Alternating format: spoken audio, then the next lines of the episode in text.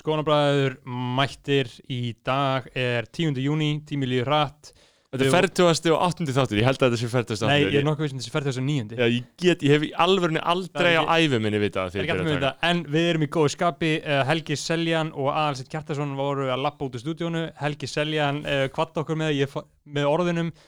Ég hef farið í mörg verri viðtöl. Já, vittlusari eða eitthvað svoleiðis. Já, Já, þetta var epist vital og Já, við erum þetta að fara inn í epist vital, ég get náttúrulega ekki talað í þáttíðina Nei. En um, við erum sérst að tala um uh, góðvislu með uh, Aðalsteini og Helga þar sem við erum að tala um uh, í blaðmennskuna, samherja, s- kvótan uh, og Við- samfélagið og skoðanir og ég veit ekki hvað og fokkin hvað. Ég loksins fattaði gótakerfið Þetta hefur aldrei verið útskýrt fyrir mér aður Einmitt, Þetta Þarna- var uh, frábár útskýring, þetta var góð þáttur en áður en við fyrir í það þá þurfum við að láta hlustendu vita að við erum reknir áfram á Patreon Mhm. Patreon, patreon.com skástrík skotana bræður Og við byrjum hérna hvert þátt á að setja virðingu á nafn þeirra sem eru það sem við kallum að vera skafaður. auðvitað, ertu með það uh, uppi hjá þér? Ég með það uppi hjá mér. Erst þú með það uppi? Og ég flokkaði þetta eftir 30 sko. Leðum og- leð mér loka minn Já, hérna? lokkaði inn á meðan þá lýsi ég þessu fyrir ykkur. Nei, ok, ég ætla, ég ætla, ég, ég lofa að tala ekki neitt um Patreon það er svo fokkin eða held ég að hlusta á einhvern tala um kerfið sem... Nei, við þurfum að gera það, það eru 129 manns sem styrkja okkar okkur núna.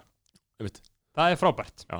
En Já. það eru fleiri þúsundir sem hlusta flegið inn, Það eru 800 manns inn í Facebook-ópnum flegið ykkur ykkur inn í áskrift, það væri bara geggjað og þá fáðu líka auka þátt að takja hann fresti. Uh, það sem við erum með gæða fucking gas. Og Uh, það kostar ekki nema þú veist 700 kallar mánuð eitthvað þannig að bara skoðanabræður.com skástrík sko, nei, sérst, já, uh, nei uh, pe- patreon.com skástrík skoðanabræður innilega uh, þakkláttur fyrir þá sem velja að gera þetta um, ef að lesa helvitið upp? Uh, sko fyrstur að nefna uh, sem stiður okkur um 30 dólar á mánuði er Benedikt Bjarnason risastór virðing, bæki, þú tökur næsta. Geoffrey, Thod, Huntington Williams. Aha, virðing, Hlinur Ólason virðing Hálfdán Sveinsson. Virðing Yngvi Rapp Yngvi Rapp Yngvi Rapp Yngvi Rapp Björgvinsson. Nei, nei, nei, tónlistamæðurinn Dirb, já, fakt. Ég var að reyna að benda það til því já, ég ætla að vera skammað fyrir að segja virðing eftir hvert nafn Nei, nei, nei, Nei. nei, ég var að okay. fyrir að segja ekki tónlistamæðurinn Dirb þú tekur næsta. hérna fær hann bara enn betri auglýsingu. Já, Tjekkja á hann á Spotify, hann er mikill king. Uh, Kristoffer Daði, aha, virðing uh, nafnlaus virðing.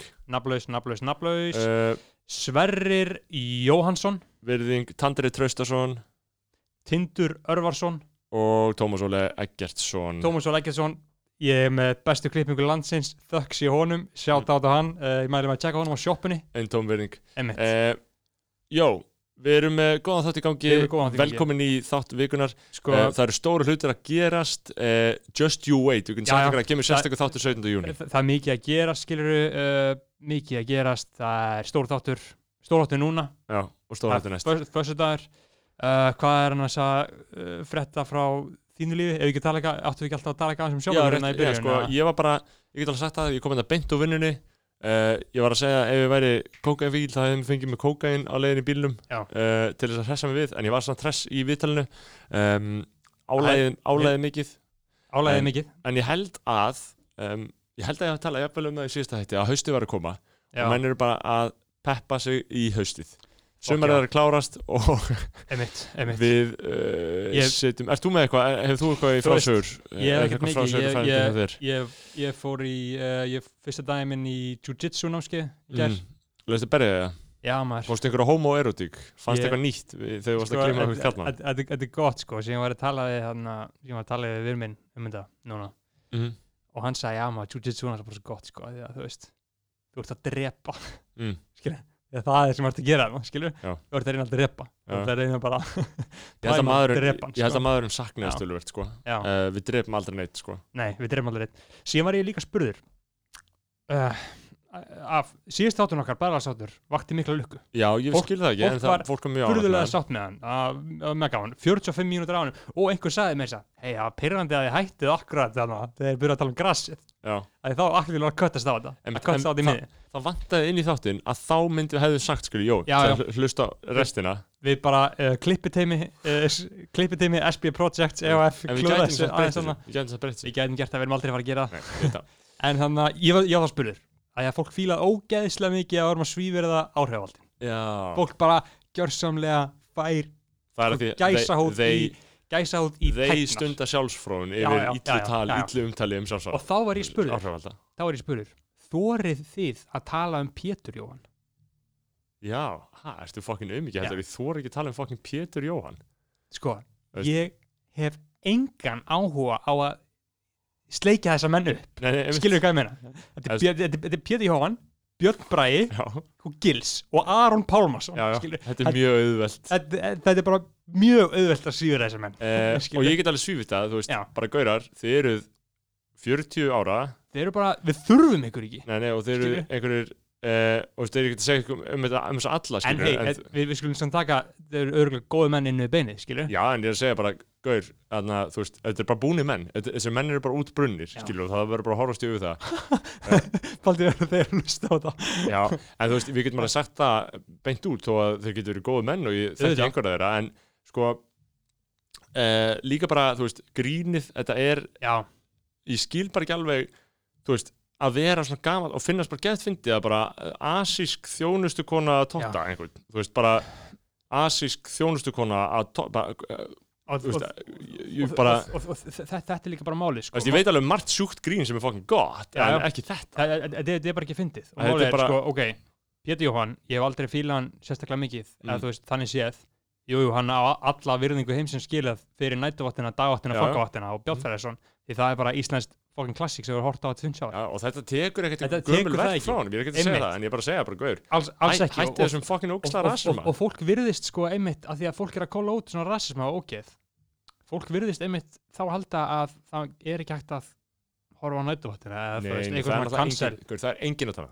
Það er engin að tala um að Nei, ekki nei, ég, er ekki að tala um að horfa gamla, ég er að tala um nýja veist, fólk, fólk, fólki, sem þú að, veist, fólki sem að tala með málið- talar eins og fólki sem er að kóla hann út og- cancel honum eins og einhver benti á, eins og einhver benti á, þú veist, þetta drast sem er búið í gangi á stöð 2, heil lengi, bara rasíski draumurinn, bara fjóra seríur af rasíska draumurinn, þetta er bara nákvæmlega þetta sem er búið í gangi allar þessu seríum. Og allir sem eru með stöð 2, Fólk, ég fyndi að ég, núna hætti ég að tala því ég er að gera þátt með stöð 2 já, já, ég held að við vinnum basically fyrir stöð 2, Já, en, hey, no, no, comment, no comment á stöð 2 hérna, sko. Nei, nei, þú veist, ég er að segja, þetta er bara að, það sem stöð 2 er búin að dæli í andliti á áhórundu sínum í mörg ár, Eh, Bergfram Ásson, no comment stöð 2 en þú veist, þarna, þannig að, þú veist, who the fuck gives a fuck, en já, þarna, segðu mannskjana fuck þessu sem ég held að við þurfum ekki að tala um þetta. Já, Um, au- auðvitað, auðvitað þóri maður að tala um þetta þetta er bara fucking whack shit og eitthvað sem Mm. að við ættum ekki að samþykja Mm. uh, Þetta eru bara kallmenn sem halda þessu, halda þessu fyndnir Já, eru það fyrir einhverjum Já, ég, Þeir eru það fyrir en sko, einhverjum. en máli er að, veist, það er líka að einhver segja, ég þór ekki að tala um eitthvað að peppa með aðeins í gang til að segja meiri hluti um þetta en ég meina, mér er drullu saman um þetta þannig, þú veist, Já, og ég, uh, ég, það er ekkert, er kapsmál fyrir mig að þessum, þessum, eitthvað, þessum mönnum sé eitthvað aflýst í samfélaginu. Nei, það eru bara ákveðinu hópar sem dýrka þessum menn og við getum bara nákvæmlega ekki neitt gert í því.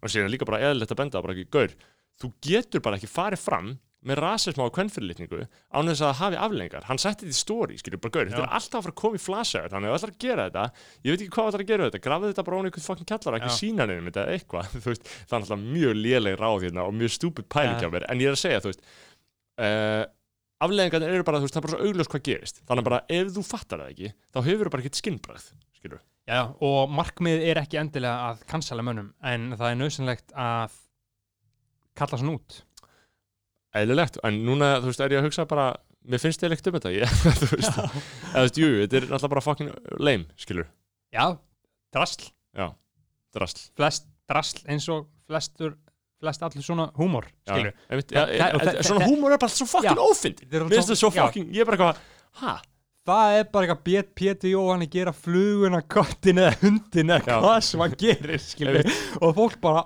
orgar og hlátri. Já, þetta er, er stöð 2 audiensin, sko. Erum við byrjuð nei, nei, nei, þannig að þetta er svo þegar Þóruð Snær fór að tala um morgunblæð ég þegja alveg. Þannig að, já, lífið er erfitt en við segjum sannleikan, við tökum bara við gjaldi frá ykkur, en við segjum ykkur alltaf sannleikan já. og það er aldrei að fara að koma meiri sannleikur fram en nákvæmlega þessum þætti sem nú fyrir hönd. Verið Akkurat. velkomin í Skónabræður Stöð 2 er einn svona fremsta afturrengastöð Íslands. Hefur, stað sem mjög vel í að framlega frábært efni fyrir íslensku þjóðina. Uh, Við erum þetta er Helgi Seljan og Þetta eru skoðanabæðar á útarpi Kjartansson. 101 sem er í eigu sín að hálfu leiti Eh, Að einhverju leiti, að einhverju leiti Já, ég, ég, já, ég, ég Herru, veit ekki hvernig keyrum þetta í gang. Gagsæði, gagsæði, gagsæði, bye Bye Fyrir hver að bakið um að sé bróðir Fyrir hver að bakið um að sé bróðir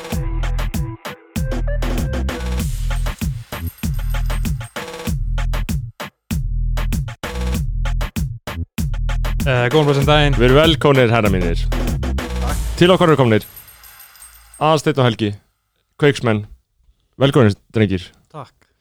Hvað segið þið? Ég er bara góður sko. Góður Ég ítti hérna svolítið skindlar ekkur um beint konur inn í þáttinn um, Mhm. Þið eru að koma úr Þið voru ekki umferðin eins og ég Ég var umferð og það er sko Ég ætla ekki að tala um þetta í þættinum En það er orðið sturluð umferð í Reykjavík. Já, þetta er bara, Hafið verið að keira bara um meðan dag í Reykjavík? Þetta er orðið meira sko. Já, miklu meira. Ég held að bara fólk Nei, hafi ég- fundið fullt af bílum í þessu COVID og þessum að En hvað gerist? Þetta er bara orðið umtalsvert meira sko. Ég er alltaf að gera þvert á umferð sko. Já, ég líka Ég, sko. ég er aldrei með umferðinni þannig að- Ég líka sko, þetta eru forréttindi sko, við þekkjum þetta ekki. Já, ég veit þetta bara Og þegar maður er síðan að fara á erindi á þessum tímum í þessu hverfi Mm. Þá hugsa maður skilur Vá, ef ég þyrfti að lifa þessu lífi alltaf skilur Ég reyni bara að eiga engin erindi. Nei, eiga engin erindi. Það er best. En þarna Við erum Já. hérna komnir uh, Til þess að ræða hitt og þetta Veitu þetta? Þið eruð uh, Rannsóknar blaðamenn Ekki rétt að segja? Já, við erum bara blaðamenn. Blaðamenn Þetta orð, getur það þi- rætt þetta orð? Já, þið, Ég þið, mist, þið vilja ekki láta leipil ykkur Það, eða hvað? Þetta er bara, þetta er bara rugg bara svo timbrað eitthvað. já Að þetta allir blaðamenn ætti að vera rannsóknar blaðamenn Já, Já. ég held það. Og bara, já, ég, ég held það. Að þetta, ég held að það sé eiginlega svona bottom line, sko. Við ættum allir að vera það og, og hérna, þannig að þetta verður svona eins og, hérna, já, þetta er, uh, þú veist, að því að þegar það kemur svona label eins og íþróttafréttamenn, Mhm. að þá einhvern veginn uh, gerum við oft minni kröfur til þeirra heldur en annara fréttamanna eða eitthvað svona Mhm. Eh, þannig að veist, þeir eiga bara að segja fréttir alveg eins og allir hinnir, þeir eiga ekki bara að segja okkur hver, hver staðan er í leiknum. Einmitt, einmitt, einmitt. Um, Blaðamenn, einfalda blaðamenn Ég er ánægð með það. Einmitt. uh, En þið vinnið að eitthvað, dagsókjælamenn á kveik sem er þáttur? Já, við erum bara svona. Já, Fréttamenn í kveik. Fréttamenn í kveik, í kveik. Uh, Og um, þið eru ennþá, þannig ég spyrjum það Þið eru ennþá í, þú veist um, Þið eru ennþá bara að starfa þar Skilju, þið eru ekkert hættir þar. Nei, nei, Nei, ég vona ekki, það sé ekki búin Nei. það er regla niðurskurður og eitthvað en Já, já. Við erum allavega ekki búin að heyra Þátturinn bara komin í sumafrí og þá erum við Mhm. bara svona, já, erum við bara að vinna á þess að vera endilega á dagskrá í hverju viku sko. og hvað er uh, kveikur? Við, sko, við, þannig ég útskýr það líka fyrir ykkur. Við erum sko með uh, breiðan hlustundhóp Sumir af þeim eru tiltölulega ungir Vita kannski ekki eitthvað alveg algjörlega Hvað er bara yfir, yfirleitt að gerast í svo lagarfröðum núna. Uh, Við byrjum á því en við förum út í eitthvað smáatriði sem við þurfum heldur ekki að gera. Þú veist, byrjum á því að, að skerpa á því að þetta er náttúrulega Kveikur hefur verið í gangi um árabil En komst kannski uh, kannski vann sér endanlega staði hjörtum landsmanna eftir þetta mál samherjamálið svona þetta. Um, getið þið aðeins farið yfir söguna uh, já, fyrsta lagi sko örstutt bara hvað er kveikur og öðru lagi veist emitt hvað var samherjamálið? Já uh, Kveikur er náttúrulega Kveikur er sjónastáttur sem að var til uh, þegar að sem sagt, kastljósið hætti að, að vera fullt af þáttum í einu. Og sem sé byrjaði fyrir þetta, þetta er annað, þetta er þriðja sísónið er ekki? Jú, við vorum að klára þriða sísonið og já, Vikulegur sjónastáttur Vikulegur sjónastáttur, við erum í loftinu. Hvað, við erum með eitthvað svona 18, 19, 20 þætti á, á ári. Og erum hópur af, af fréttamönnum sem er búin að vera í fréttum í, í lengri tíma. Svo erum við með hópa framleiðendur líka sem að kunna gera sjónvarp af því að ég kann ekki að gera sjónvarp. Helgi, kann þú að gera sjónvarp? Já, ég tekist kunnað en, en er alltaf að reyka um betur og betur og ég þú veist, er betri blaðamar gera sjónvarp, ég merki henni bara, þú veist taka upp og klippa og, Já, og bara svona, og þú veist, að, myndgera þessar sögur sem að við erum að, að segja í hvert og eitt skipti og, og Mhm. hérna, þú veist, og í raun að, að svona já, að segja sögurnar líka Mhm. það sem við erum fyrst og fremst að gera en kveikur semst snýst um það að svona fara svona hæja eins á sér og, og veist, fara svona dýbra og kafa eftir meiri upplýsingum og, og, og náttúrulega helst upplýsingum sem að uh, eru ekki allra vitorði og, og, og þá kannski allra helst upplýsingum sem að eiga erindi og menn gera mikið til þess að koma í veg fyrir að séu á allra vitorði. Akkurat, það er svona kannski, já, einmitt. Þetta málið. Og svona, já, að reyna einhvern veginn svona aðeins að varpa ljósi á hvernig samfélagið er en ekki hvernig það svona segist vera Einmitt, einmitt um, Og samherjumálið Við, uh, einmitt í stuttumáli Við vorum að tala um þar að þar náttúrulega voru því að náttúrulega basisinn í því var að þetta kom fram uppljóstrari uh, og uh, skiljið ekki rétt að þú veist, þar var, þú veist, það var, það var kveikurinn að þeim kveik, eða þú veist, það var Jú. þú veist, út frá því að veist, það var ekki frumkvæðisathugun eins og segjum frá ykkur Hann, kom hann til ykkar? Já, við fáum, uh, hann kemur til okkar raun og veru fyrst uh, þannig að við fáum aðganga þessum gögnum og honum uh, og við sem sagt hann samþykir að segja þessu sögu og og sem sagt í gegnum hann og bæði við fengum frá honum og við öflugum okkur annar staða frá og, og svo náttúrulega þú veist vinnuna sem að tók við að annars að fara í gegnum gögnin og fara í gegnum söguna hans, fara í gegnum uh, og reyna að afla okkur frekari gagna og frekari upplýsingar sem okkur tókst og þá náðu við einhvern veginn að- segja þessa sögu svona, einmitt, Hvað er það langt ferli? þetta er svona Sko, við vorum náttúrulega að fara yfir gögn og verið í samskiptum aðalega uh, já, svona, maður að segja ekki vinna í þessu bara 9-5 alla daga það var alveg yfir eitthvað, eitthvað mánuða tímbil en svo erum við að vinna í þessu alla daga og einhver öðru í hvað, eitthvað svona 6-7 mánuði kannski Já, 6 mánuði Já. og þetta er svona, er svona ár frá því að við uh, fáum þetta fyrst svona, eða já, hittum hann, hann fyrst Mhm. og þar til að þetta er sem sagt já, svona opinberað fyrir alltaf Hvenar, hvenar í ferlinu, hvað var það, svona, hvaða upplýsingar komast yfir sem var bara svona, ok, fuck, við erum með eitthvað?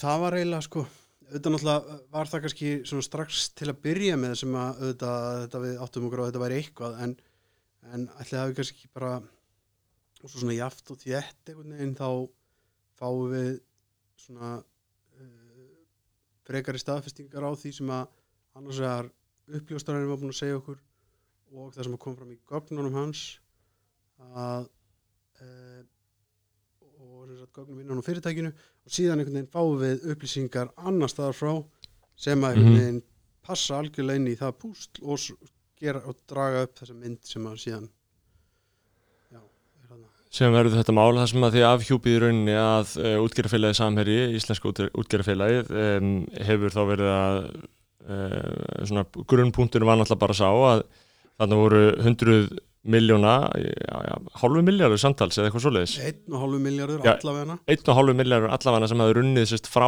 beint frá fyrirtækinu þó að það hefur verið gegnum undirfjölu og svo framvegis yfir til uh, namibíska stjórnmálamanna.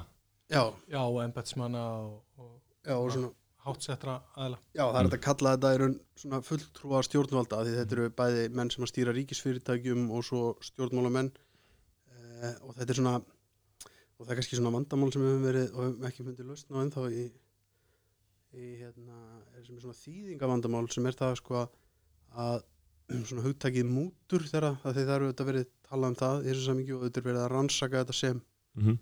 mútumál hérna heima og úti en í raun og veru það svona kannski segir ekki alveg nákvæmlega alla söguna um það hvernig þetta er gert þetta er svona, á einsku heitir þetta kickbacks sem þýðir í raun og veru sko að e, þú veist ef að þú værir borgarstjóri í Reykjavík og værir að útluta einhverjum gæðum sem væri kannski 100 krónar virðið eða eitthvað og ég kemi til þín og myndi semja við um að fá þessi gæði en í staðin fyrir að þú myndir selja mér það á 100 kall og, og borgin fengi 100 kallin þá myndir þú samþykja að selja mér þessna bara á 50 kall en þú fengir svo 20 kall. Þannig að heldaverði sem ég borgaði var ekki 70 kall Mm -hmm. um það snúast ásakanirnar samir í samkvæmt þessu og það sem er núna til rannsóknar snýstu það að þeir eru að fá kvóta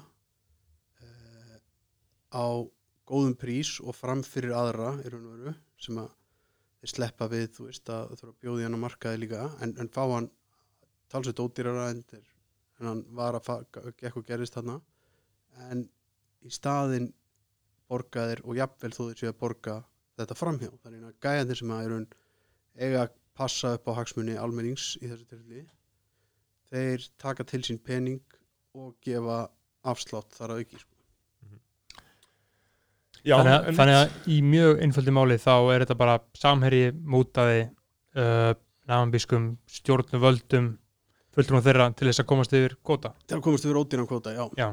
Þannig, þannig Já, það eru ásækjarnar í málinu þetta er Mm. náttúrulega þú veist eh, og kannski bara alltaf að við tölum það bara hreint út um það við verðum að passa okkur náttúrulega við meðum ekki segja því að einhver, einhver ákvað það einhver tíðan að, að ég vil þó hérna, eitthvað e, líti út eins og önd og synd eins og önd og, og hérna, gefur á sig hljóð eins og önd þá þarf það ekki endilega að vera önd fyrir að domstólar ákveða þessi önd mm. þannig að þess vegna þurfum við að tala um þetta sem, sem sagt, ásaganir um mútur ennþá Mhm. og, og, en, en ég meina þú veist, en við höfum eins og þar peningaflutningana, við sjáum þá, við sjáum hvernig peningandi fara á milli, við sjáum að það er, það er ekki lógísk ástæða bak við það það eru hérna frásagnir starfsmanna af því hvers vegna það er gert, við sjáum líka minnisblöð frá þessum tíma og, og allt í þindur og svo náttúrulega rannsóknir sem er í gangi núna og menn sem sitt í fangils út í nömbi og býða dóms út af þessu. Og stjórnendur fyrirtækisins á þessum tíma hafa aldrei sagt að þessar ásakarnir séu séu rángar Nei. ég man ekki eftir Nei, nei, nei, það er bara, það liggur alveg fyrir. Það, ég meina við, það var náttúrulega eitt af því sem að kannski svona að þetta eru þetta þegar við erum að vinna svona því við höfum alveg við aðalsteinn unnið svona stór mál áður sem eru svona þannig að það þarf að vinnast í svona bæði svona mikilli leynd og maður þarf að við þurfum að vera lengi inn í ykkur svona bara hálfgerðum böngar að vinna og það veit engin hvað við erum að gera og við hittum helst ekki fólk að því við erum einhvern veginn svo hrættur um eitthvað fara að spyrja okkur hvað við séum að gera eitthvað svona. Að þá myndast svona uh, andrúrslótt svolítið þannig að maður veit aldrei alveg hvar maður hefur hlutina, maður flakkar alveg á milli þess bara eitthvað, ok, þetta bara þú veist, er þetta eitthvað, skilur, kannski er þetta bara ekki neitt og kannski verður bara, þú veist, endar þetta bara með því að við verðum bara sagaður um að vera tómi vilsingar og sem að við náttúrulega erum hvort þið er alltaf en, en sagaður um Já, sagarum ekki, En það- þú varst ekki Mm. gangast við að vera vilsingur Nei, allavega, þú veist, við svona segja meintur. Akkurat, meintur. Nema hérna en, en ég held að svona eitt af því sem að svona á endapunkturinn allavega á því sem að ég upplýði sem svona ok, heru, þetta er hérna, þetta er bara svolítið mikið nákvæmlega eins og við heldum að þetta væri þegar að einhvern veginn kom í ljósa að þrátt fyrir all, allt þetta back and forth á milli okkar og samherja þarna síðustu vikurnar fyrir þetta að þá fengum við aldrei svar við þeirri spurningu þeirri einföldu spurningu til samherja sem að bara hefur samherja greitt mútur mm. Við fengum svona kommentari á veðrið Já. og eitthvað en, en aldrei sko ég, ég held að hafa engin, engin sagt við ykkur nei við Nei. borguðum ekki mútur. Eins og þetta meni, við vorum með þetta sjúka moment þarna þegar hann var fyrir utan kaffahúsi og þú fórst á eftir hann aðalsteð og e, þá hugsa maður sko af hverju þú veist, hvaða taktík er það? Og alltaf í svona málum þá hugsa maður þú veist þeir fara bara 100% no comment liðina þú veist hvað haldið að það sé?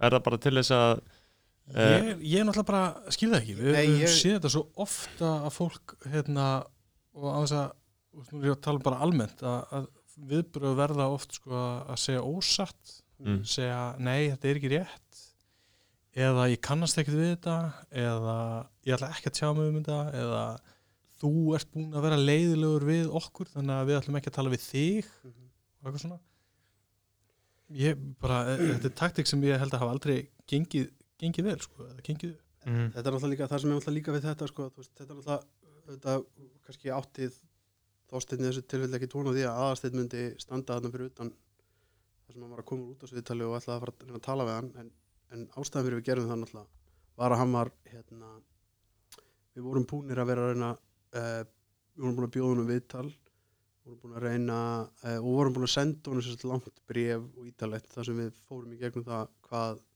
um hvað við ætliðum að fjalla og hvaða viðbröð og viðbröð við kannski þess vegna líka þú veist er hann ekki að fara að segja neitt Er hann ekki að fara að segja fyrir neitt? daginn Hvernig haldið þeir hugsa þetta? Haldið þeir sé mjög strategist hjá þeim? Hvernig er þetta að díla við þetta? Haldið þeir sé að panika yfir þessu? Eða þeim sem alveg sama? ég Ég veit það ekki þetta, þeim er auðvitað ekki sama þú veist, það er veist, þetta er náttúrulega kemur við fólk og ég meina þetta er náttúrulega þú veist, og við gerum okkur alveg grein fyrir því að þú veist, ekki það að við séum eitthvað hérna, eða, ekki það að ég sé eitthvað hérna, þú veist, eitthvað vorkina mönnum fyrir því að um þá sé fjallað svona því að ég held að við höfum uh, og veit að við vorum uh, algjörlega sangjarnir við á meðan við efnið og allt það en, en ég, þú veist, mönnum er ekkit sama þú veist, ég held að það þú veist, hva, hérna hver sem það er sko og þetta er alveg veist, erfitt fyrir fólk að takast á því svona en, en hérna en það, þú veist, kemur ekkit í veg fyrir að það eigi að gera það svona. Nei, nei, auðvitað hérna, það er alveg ljóst í, af þessum samskiptum sem að er búið að byrta og við, við höfum aðgengi að þessum Mhm. gögnum fyrirtækisins er að menn reiknaðu þetta ekkert með því að þetta komist upp Nei. að nokkur sjáu hvernig er verið að tala um kalla nambjum en lífsglæða letingja og eitthvað Mhm. svona e- eitthvað svona rugg að hérna og reiknaðu ekkert með því að, að eitthvað Mhm. beri það upp á þig sko. auðvitað ekki það er svona frekar, frekar slæmt komment til þess að eiga í rekordinu hver var það sem sagði lífsglæði leitingar var ekki einhver starfsmenn, starfsmæður það þarna? er, hérna, aðastitt Já, Helgason Aðalsteinn. sem er sem sagt er, er svona Já, var. Já, var, Var. starfsmæður samherja í, í 30 ára eða eitthvað svona, þú veist, hægri hönd Þorsteins svolítið.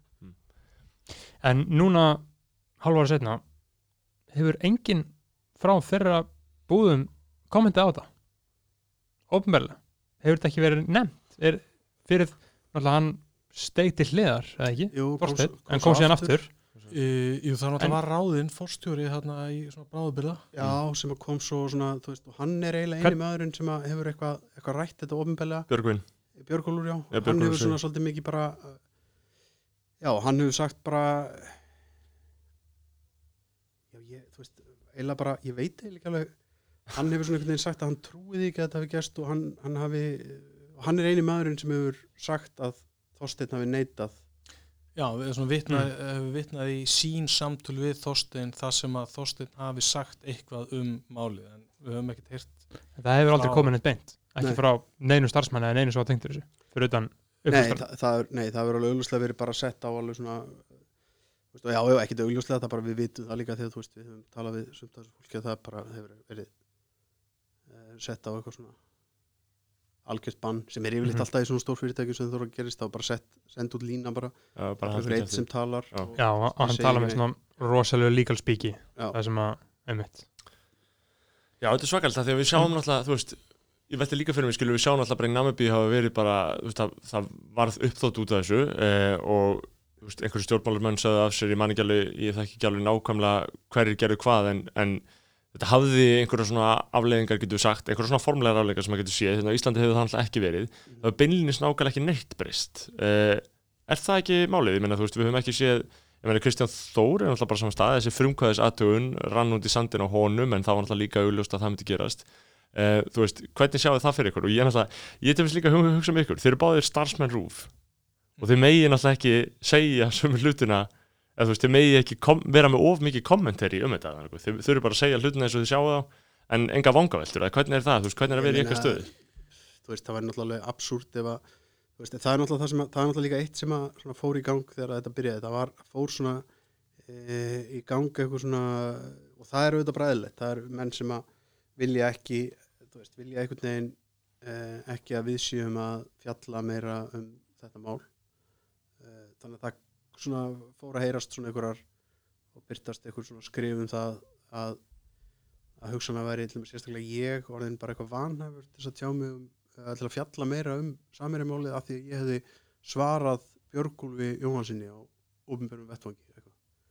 sem að það sem ég var bara einmitt að leira þetta þú veist hérna, e, lýsingar hans á því sem við höfum verið að gera og, og hérna, og ekkert meira en það sko.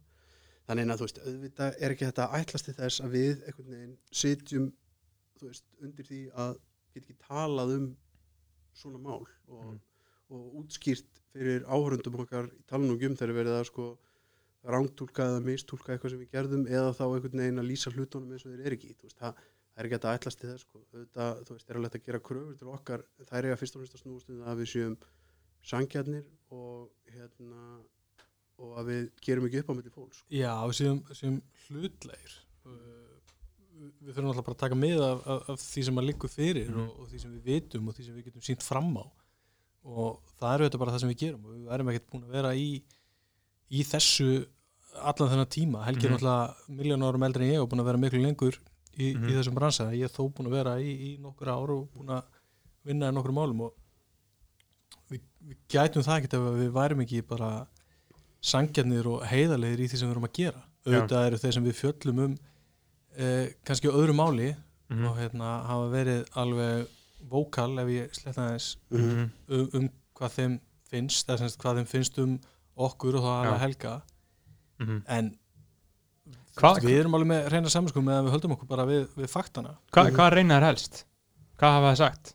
Já, þeir náttúrulega, þetta náttúrulega snýst um, þú veist, eitthvað svona meint einelti mitt í garð þeirra og ég hafi þetta sem þetta fyrirtæki á heilanum og ég sem ykkur ákveðna menn á heilanum og ég sé, þú veist, ósangjarn og vondur við þá og eitthvað svona. Já, Þú veist, og það er bara, margt af því er bara svona eðla tilfinningar hjá fólki og Einmitt. sunda, og svo í talningum þeirra svona, þú veist, svo ykkur svona starfsmenn þeirra að fara að segja það og svona, þá er það náttúrulega líka bara, þú veist, ég skil alveg afstöðun í því, þú veist, ég hef alveg unnið í fristihúsi og unnið í, inn í svona, unnið hjá kaufélögum og svona fyrirtækjum þar sem að, þú veist, það er svona gert frekar ráð fyrir því að menn séu svona uh, svolítið corporate minded og hollir sínu og, og, þú veist, og þú trúir auðvitað á, þú veist, ég meina og það er auðvitað eitt sem að verður aldrei tekið frá þú veist, fyrirtækjum eins og samherja að þetta er náttúrulega uh, hvað sem öðru líður er þetta hérna uh, hardulegi gæjar og hérna og þó að kannski svona opinbera sagan af því og svona frásögnin sem að hefur verið haldið á lofti um það hvernig er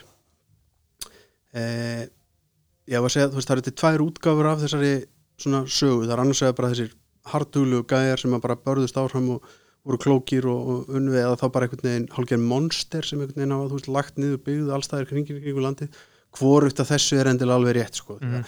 þú veist, þeir eru að, þú veist, í, í, þegar menn er að vinna í auðlindanýtingu í landi sem að byggir á því að, að stjórnmálamenn í grunninn útluta auðlindunum á einni annan hátt til að byrja með þá, þá, er, að, þá er aldrei neitt algjörlega self-made og það er heldur ekki þannig að það setja að kenna þessum mönnum um það þó að byggðið hafi lagst af eitthvað kringu landi skil. þetta er bara svona, að, það er eitthvað millivögur í þessu öllu saman að þú veist, þannig að það er ekkit sko, það er úrlega einhvern veginn eh, og, þeir, og, og umræðin í kringum þá og sjáurútvegin er rosa mikið mótuð af því að það, þeir, þú sért bara annarkvort með eða móti veginn Mhm. Og þá snúið þetta allt um hvort þú sért með eða móti kvótakerfinu eða, veist, þetta mál snýst ekkit um það sko. þetta, snýst líka, þetta snýst bara um það að eðli málsins samkvæmt er, er við sem blaðamenn fjöllu við annarslæðið um fyrirtæki og eigendur fyrirtæki sem er eitt stærsta fyrirtæki á Íslandi uh, líklegast eitt af 30-40 stærstu fyrirtækjum í heiminum í sinni grein og er komin með sko uh, ítök í sko smásölu, veist, fjölmiðla þú veist á hlut í áorðið og ræður stærstum hluta í stærsta skipafélagi á Íslandi. Veist, og er raunur í þeirri stöðu að uh, ef þeir vilja eignast eitthvað þá eignast þeir það Ég get Íslandi. Já, þú veist, þeir bara, af því þeir eru orðin þetta stóri Mhm. einmitt og það er alveg endur ekkit óeðlilegt og að þannig að þið fáðu ekkert saminskupið Nei, ég meina, ég hef ekki, ég hef ekki samvinsku bit yfir því að, að hafa uh, flutt fréttir af þessum máli, nei, Nei. punktur Mhm. ekki neina, sko Já, það er alltaf líka svolítið fyndið að sko við séum yfirleitt hérna að spyrja ykkur hvort að þið hafið saminskupið til þess að þegar maður hugsa, það er mannlegt að hugsa sko að sjá viðtala ykkur gauð sem skýtur á sig ykkur viðtali og hugsa bara, shit, þetta var bara mikið hjá þeim, skilur en það var náttúrulega ekki rétt, skilur Nei, ég meina, en, en auðvitað getur fólki fundist ég meina, við erum heldur ekki alveg yfir gaggrinn hafni við erum ekki svo heilaðir að allt sem við gerum við getum til þess að fólk sé bara eitthvað já, þetta er bara þeirra að vinna, Mhm. alveg saman hvernig þeir gera þá er þeir að gera meina, Einmitt. það, fólk getur alveg haft skoðanir á því eðlilega og auðvitað, þú veist, gerum við ekki allt, allt rétt og eða, eða hérna, eða, þú veist, allt sem við gerum er þannig að fólk sé endilega að sammóla okkur um, um aðferðinar og eitthvað. Einmitt. en við reynum allavega að vera samkvæmi sjálfum okkur og sangjarnir og, og hérna og ég held að okkur hafi tekist það. Ég er minnstakosti ef á að fara að sína fram á það að við séum ekki hérna eh, þú veist starfsins verðir að þá verða menn að finna eitthvað annað heldur en þetta mál til þess að týna fram.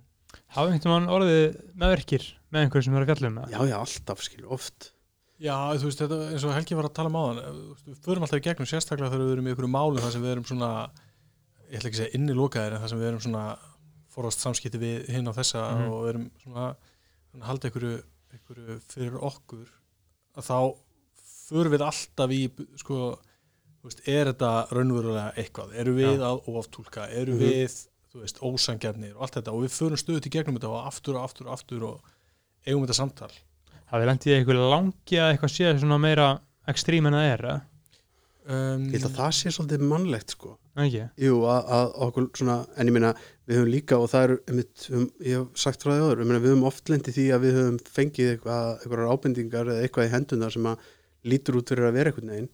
Og það gerist miklu oftar heldur en fólk heldur að við einhvern veginn sjáum vonandi fljótt en stundum ekki nógu fljótt samt aldrei áður en við, við fjöllum um það sem betur ver að hlutinir eru bara einfall ekki eins og við heldum og þar lendir eru ekki fréttaefni Mhm. sem er, er ógeðslega erfitt en er samt svona held ég uh, það sem að maður þarf að standast sko Mhm.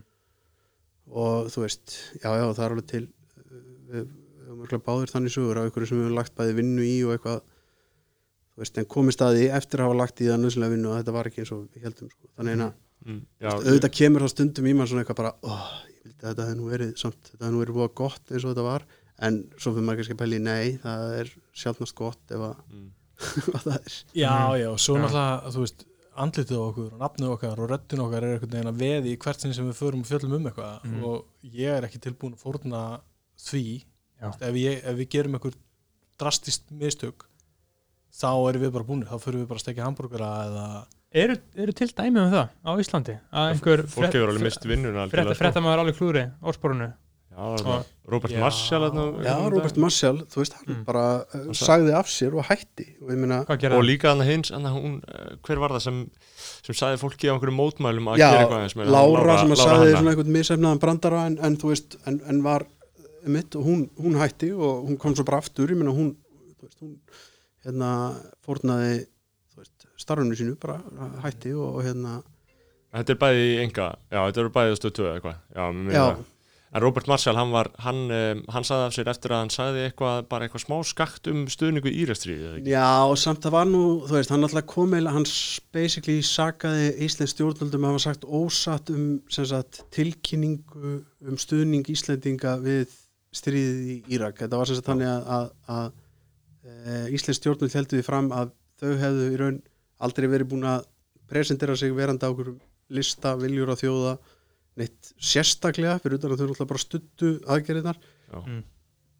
fyrir en eftir að listi maður byrtur skiljið og Robert gerði þau mistök að hann rugglaði saman austur og vesturstranda tíma og uh, taldi sér þess að vera búin að sína fram á að, að hérna Að listin væri byrtu með þeim á honum. já, já, þannig að og, og, bara gegst í því um leið og hann áttaði sig á því og bara uh, og hætti og hérna. En mér finnst þetta svolítið gott dæmi um líka, sko, hvað þar, þetta er frekar smáægilegt bullshit, skilur Þau voru hvort meira á þessum lista, en samt þannig Já, að bara, sko, Já, ekki es- smáalegt þetta er, þú veist, við þurfum að við megum ekki gera svona mistök sko. Nei, að því þetta er, og Robert gegst alveg við því og, og það var nefnilega mjög fyndið sko því það voru svona stjórnmálamenn sérstaklega sem fannst svona eitthvað já, þú veist, fannst þetta náttúrulega alveg, alveg glata sko, en þeir voru svona þeir helstu veit ég, sem að voru svona að segja við hann þú veist, bara eitthvað, þú veist, þú veist þetta var kannski full drastíst hjá þeir, skilur en en ég minna, þá voru við líka að segja þessi í lægi einhvern veginn, að því að e, í raun snýrist fréttina Robert sem það að stjórnvöld væri að ljúga okkur bara beinni, sko Mm. uh, og það var það sem hann sagði og hann, þú veist, gati ekki bakka það upp og þú veist, fyrir vikið einhvern veginn, að þá fannst hann mann bara ekki geta haldið áfram skilur, það er ekki þannig að hann hefði aldrei geta unnið sem blaðamaður aftur ekki frekar en til dæmis eitthvað sem segir á sér ráþæra embætti eða þingmennsku get ekki farið bara og sótt að umbóð sitt aftur Mhm. já, einmitt, einmitt, já, mega sens. en þú veist, ég held að þetta sé alveg bara svona skýrasta dæmi um það, við höfum mm -hmm. hag af því eða lungun til þess að eitthvað sé starra heldur en það Einmitt. er Já, Af því þið viljið segja sannleikan Já, Já. þú veist, við höfum ekkert annað heldur en einhvern veginn nei og svo hefur líka og, Já, svo, svo hefur maður líka bara lært það, þú veist, að, hérna, að ef maður er rosa einhvern veginn svona, e, já, hafi, betra orðið verið en, en rosa graður í einhvern veginn og skúpa og gera eitthvað, að, þú veist, þó að eitthvað eitt detti niður, þá er nú tendensin sá að okkur leggst nú alltaf eitthvað til og það kemur eitthvað mjög fljóðlega aftur, því að veist, það er alveg sama, ég man eftir að, eða, ég er allavega löngu hættur að hugsa þetta þannig bara eitthvað já ok, nú bara, þú veist, þegar ég búið með þetta nú kem ég bara, tómu borða morgun og það bara verður aldrei neitt aftur í fréttum. Það er, er bara gerist ekki sko þannig að maður þarf ekki að ákjöra því En ég meina, ég er svo eins og ég hef reynslega að vinna bara á vefmili og, og engareknum og það er, þú veist, ef þú eyðir, ef þú myndir eyða einu eða tveimur dögum í eitthvað sem verður síðan ekki neitt, það er það bara, þú veist, það er bara ógeðslega pyrrandi, Mhm. skilur, bara ógeðslega stuttu tími sem leiðir síðan til þess að þú getur ekki byrst neitt, skilur. Um, það er kannski öðruvísi pressa og öðruvísi er Já, það er bara meðlins við, við, og ég meina það er náttúrulega líka meina, það, það er ástæðan fyrir því að veist, að við börðumst fyrir því veist, og unnum eins og móðufokkarar í kastljósinu í mörg ár veginn, við það að sanna það að við gætum gert þetta eh, ef við fengjum til þess eitthvað svigrum sem að við síðan fengum Hvað var til þess? Hver, hver ræður þessu? Hver bjó, hver býr þetta til og hver svona, hver, hver svona greenlightar eitthvað pening í þetta? Sko, ég, fréttastjórin gerðar þá bara tekin, þá bara tekin ákvörnu það að downsæsa kastljósið niður í það að vera bara í betni útsendingu í förstu setti bara 15 mínútur á dag. Hafa bara tvær manneskir því. En í staðin myndi fréttastofan bæta við aðeins meiri penning og hafa kveik uh, búið til tím þar færa uh, peningana sem voru inn í kastljósinu yfir í það og það bætist ekkit við neitt veist, Það kom af ekki- nei, Nei. það kom ekki, það kom ekki fleiri krónur en á fréttastofu þetta er Nei. spurningum að, að hérna, Rakel bara færði til peningaðurinu þetta voru Rakel og Þóra Rakel Þorbergsdóttir og Þóra Arnósdóttir sem eiginlega svona ráku komuð þessu saman Mm Og hann er alltaf mikið talað um og það að líf bladamannsins sé ömulegt og mikil vinna og mikil stress og mikil svoleiðis á venjulegum svona vef miðli eins og snorri vinnur hjá. Uh, er þetta öðruvísi? Ég, þetta Þið hafa ekki- náttúrulega unnið, þið hafa náttúrulega unnið svona sem venjulegi blaðamenn undir mikil pressu og tíma og allt svoleiðis. Hvern, hvernig er munurinn á að vinna kveik og, og svona gömlu vinnunum? ég held að ég hef aldrei unni meira Nei, ég hef aldrei verið undir meiri pressu um, þetta er náttúrulega við, við erum í loftun svona hvað, er, 20 vikur á ári cirka og, Mm. og þá er náttúrulega mikil vinna, mikið að gera langi dagar Mm -hmm. og hérna fáar helgar sem eru, eru frí uh, svo róast þetta aðeins og, og, en þá er aftur á móti pressan sko að við þurfum að vera með eitthvað undirbúið næsta. næsta vetur. tilbúinir með eitthvað og, og þú veist, þannig svo er líka bara stressið og lætin eru meiri þú veist, það koma svona meiri álagspunktar þú veist, eins og þú ert að lýsa, þú veist, að vinna á svona vefmili, þú veist, að því ég var bara að vinna á svona dagblæði og, og svo bara í sko svona daglegum svona fréttaði þegar ég var að gera það, þá þú veist, þá koma svona þá, þú veist, píkar svona einu svona dag þar sem kemur svona brjálað álag í því. Þú veist, á netmiðlunum þá jafnast þetta aðeins út en það er samt alveg, þú veist, það eru svona álagstoppar alltaf í því skilur en í þessu þá, þú veist tekur þetta bara svona risa stökk sko, þannig að maður er bara valla, þú veist að það er alveg svona bara já, það er svona bara hættulega mikið maður getur komið sér alveg svona hættulega mikið streitu ástand svona e, þú veist, þegar að bara rétt komið að því og þegar að búið að, að svona koma eitthvað svona verkefni út og, og svona í tengslu við það sko. Er ekki hægt að vinna þetta án þess? ég veit ekki eh, Ég myndi ekki vilja vinna þetta á þess af því ég, veist, hluta til náttúrulega er streita og svona uh, og hvað ég segja, kvíði og svona þú veist, hlutir eru svona varnarmekanismi sem er bara mjög eðlur í Mhm. okkur mannskemnin einhvern veginn og ef ég færi einhvern veginn í gegnum svona verkefni eða væri að vinna með einhverjum sem að færi í gegnum svona verkefni þannig að púlsin á honum myndi aldrei hreyfast neitt sko, að þá myndi ég held ég ekki vilja hafa hann sko. Nei, nei, þú veist, þetta lærist líka bara að, að díla við það að einhverju leiti Mm. Hérna, lærum það kannski en helst á Panamaskjólunum allavega, svona, ég allavega að hérna þú veist, það kemur bara smá hérna, dífa eftir svona verkefni Mhm. og það er bara að vera tilbúin undir það og bara Mhm. gera sér grein fyrir því að nú þarf maður bara að fara út að hlaupa og borða hóllara og Eitthvað tala um fjölskylduna og allt þetta Eitthvað svona fæðingaþungliti? Já, með sko, þú veist, öllum fyrirvörum um að, þú veist, að ég veit ekki hvernig fæðinga þunglindi er svo, en, en, hérna, en, en ég veit bara að það er, það er ekki gott ástand, en, en það er bara svona þunglindi, skilur. já, Já. já, já. og Gerist, það alltaf? það var svona spennufall Já, það, það kannski gerist ekki alltaf, en það getur alltaf gerst, þú veist, og Já. það er, en maður, en maður læri svona eins og eins og aðstendir að segja þú veist, ég til dæmis bara eh, til dæmis eh, var bara heppin sjálfur núna við svona það sem er kannski þegar við kláruðum þetta núna að þá fórum við náttúrulega beint að vinna svona framhaldsumfjöllun sem að þýtti það að við fórum eiginlega eh, heldum eiginlega áfram á svona einhverju tempói.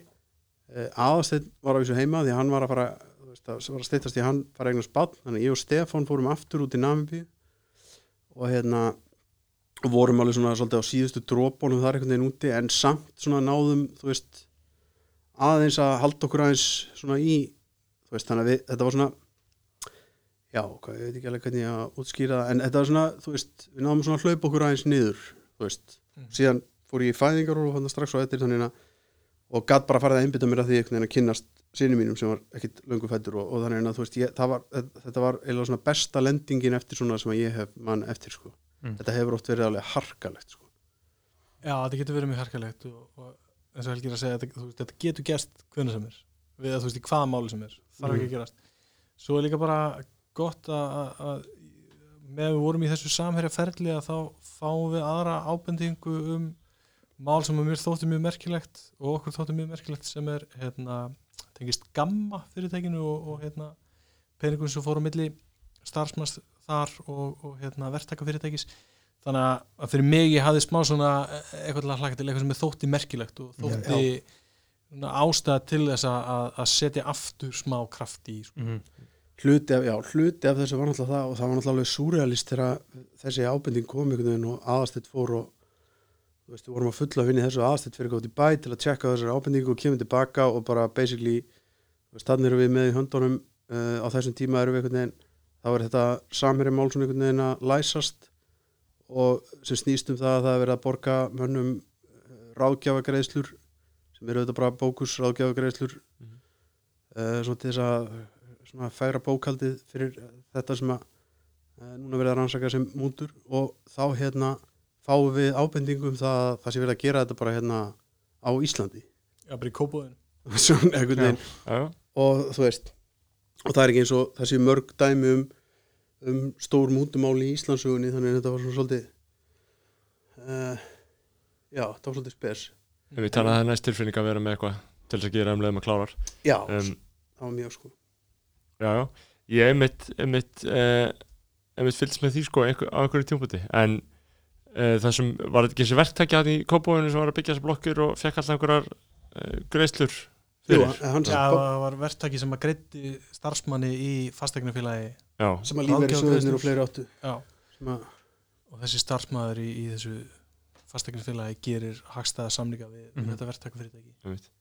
um, akkurat Já, akkurat, mér finnst áhugavert að hafa ykkur hérna sko, en ég veit samt líka hvernig það er sko að vera til með, svo veist, að því að í þessu samingi, ég meina eins og uh, í kringum þetta samhörumál uh, þá er náttúrulega, og við vorum að tala um það en það áðan að þið svona, það er einhverja rattir sem kannski vilja að þið tjáið ykkur síður og svo framvegis en það er náttúrulega líka bara með svona bara almennt pólitíst, það getur endilega tengt samherja, skilur þú veist, sko, þú við, konsepti okkar er skoðanabræður, við, skrifum sko, við munum skrifa þú veist, þessi þáttum mun heita skoðanir uh, aðast eins og Helga, skilur Mhm.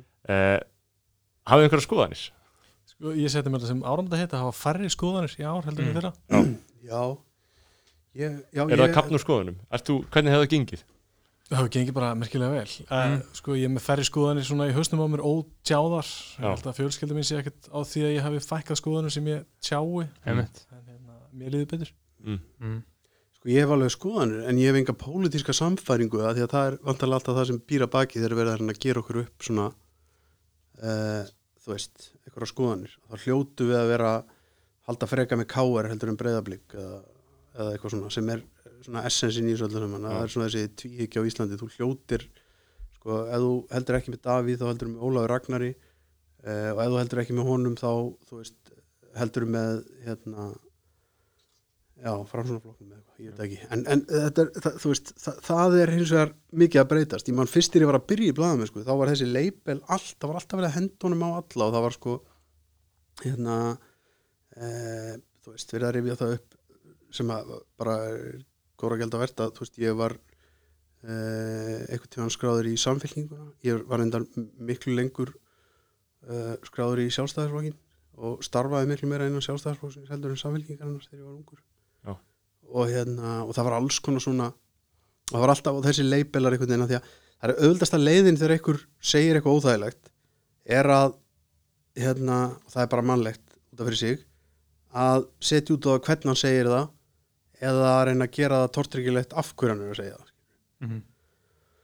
þannig að það er svona partur af þessu líka þú veist um, En mér finnst líka svo, mér finnst þetta svo basic skilu, þetta er bara eitthvað sem hægrið segir að því að ókslega ekki að blaðmennum eru jafnamenn menn, eða þú veist bara vinstri menn skilu bara eitthvað basic samfæring. Þú sérð alveg, ég sé alveg á fólki bara er hann vinstri maður eða hægri eða svona cirka vinstri maður eða hægri maður er hann, er hann eitthvað hægri gerpi eða er hann bara eitthvað svona basic allt í lagi fígúra skilu um, og mér finnst þetta svo þreytandi sko, því mér er svo fyrirsjánlegt að flesti blaðamenn sem hafa einhverja, einhverja, einhverja ás- ástriðu fyrir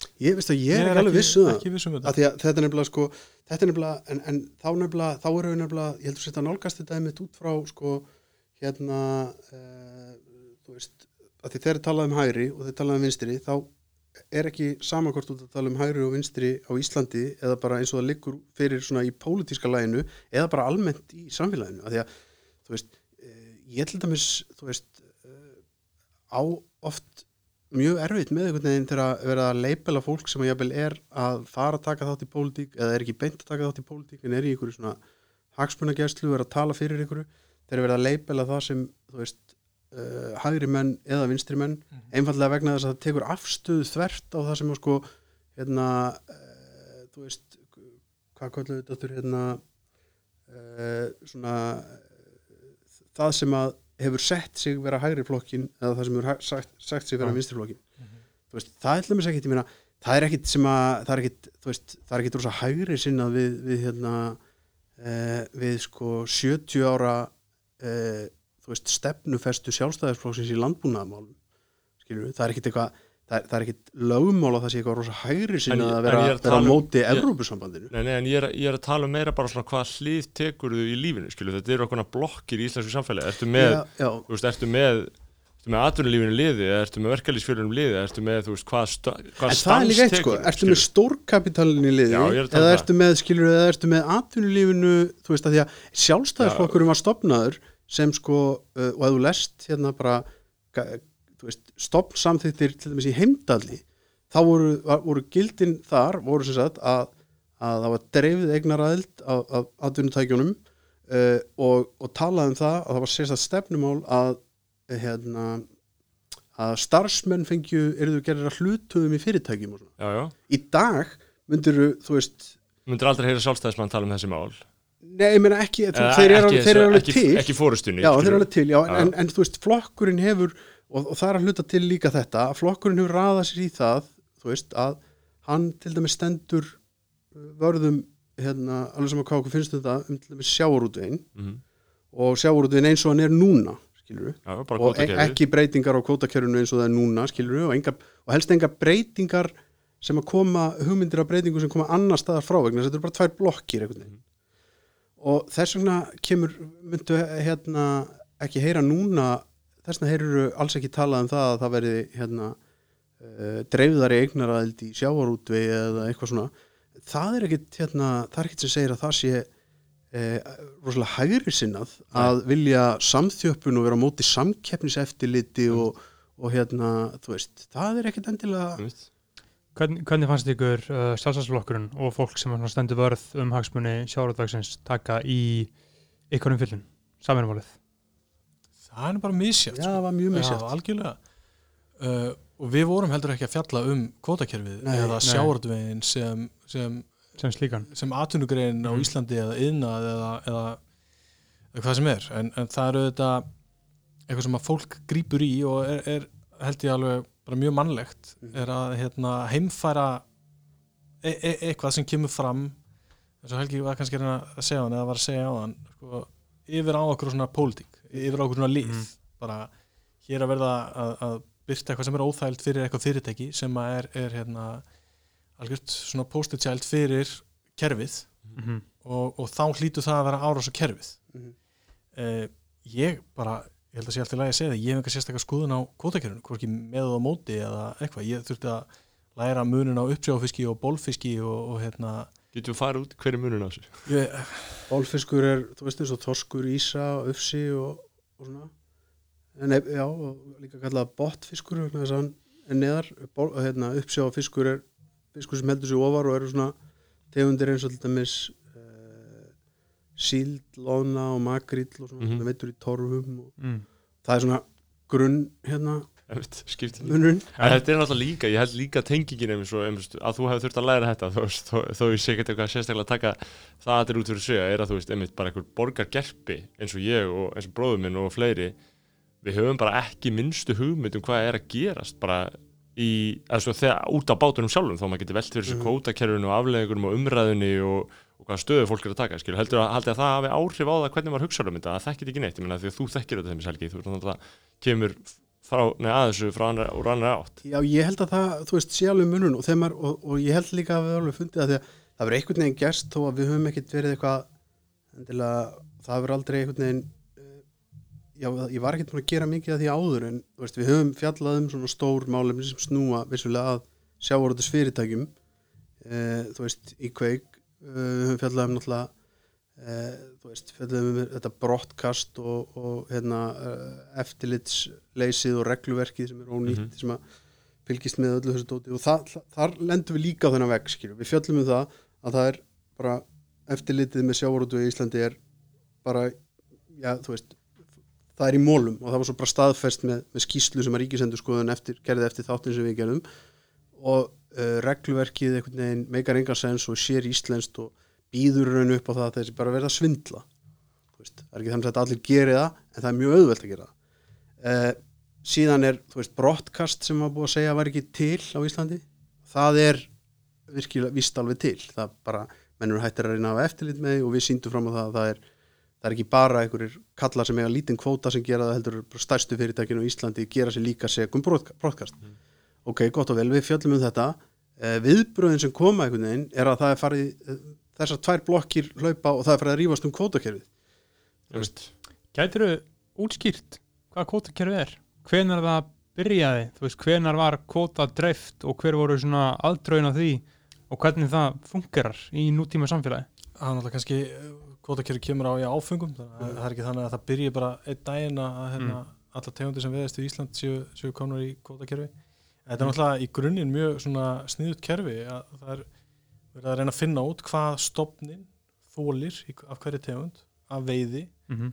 uh, og það er ákveðið með einhverju vísindalegri hérna, ráðgjöf svo er þessu útluta til þeirra fyrirtæki sem að, hérna, hafa verið að veiða og eru búin að koma sér upp einhverjum skipaflóta og, og hérna, hafa einhverju reynslu af því Já, þú ert með áunin rétt á því að eiga að geta veitt 5% af þeim þorski sem að veiða það árið Mm -hmm. síðan árið á undan eru gerðar rannsóknir stopnin er mældur og það komist að því þú veist að segjum bara að þorskstopnin sé 100.000 tonn og þá mátt þú veiða 5.000 tonn skilur Þannig að ríkið reikna bara út segjum sem svo að það eru 100 Já.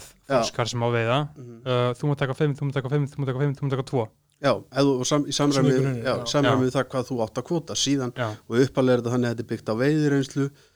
Síðan einhvern veginn er búið til svona smá tvist á það þannig að þú veist, það gáttu fleiri komist aðeins inn þú veist, samherji kemst inn þannig þú veist, og uh, síðan fara menna að hérna uh, versla sín á milli með, með þessar heimildir, það er gefið frjálst að, að sagt, selja þér á milli fyrirtækja og svona þá í leiðinni verður til fullt af peningum vegna þess að Mhm. þá fara, þú veist, fyrir óveitur fiskur að verða, verða hérna, eitthvað sem að menn geta bara veðsett að því að minna það að eiga 5% af þorski við Ísland er tiltölulega góð eign, alveg saman þó sérst ekki með þorskin í höndunum mm. mm. Einmitt. bara það að mega veiðan um hérna einhver óskilgreinda framtíð Mm.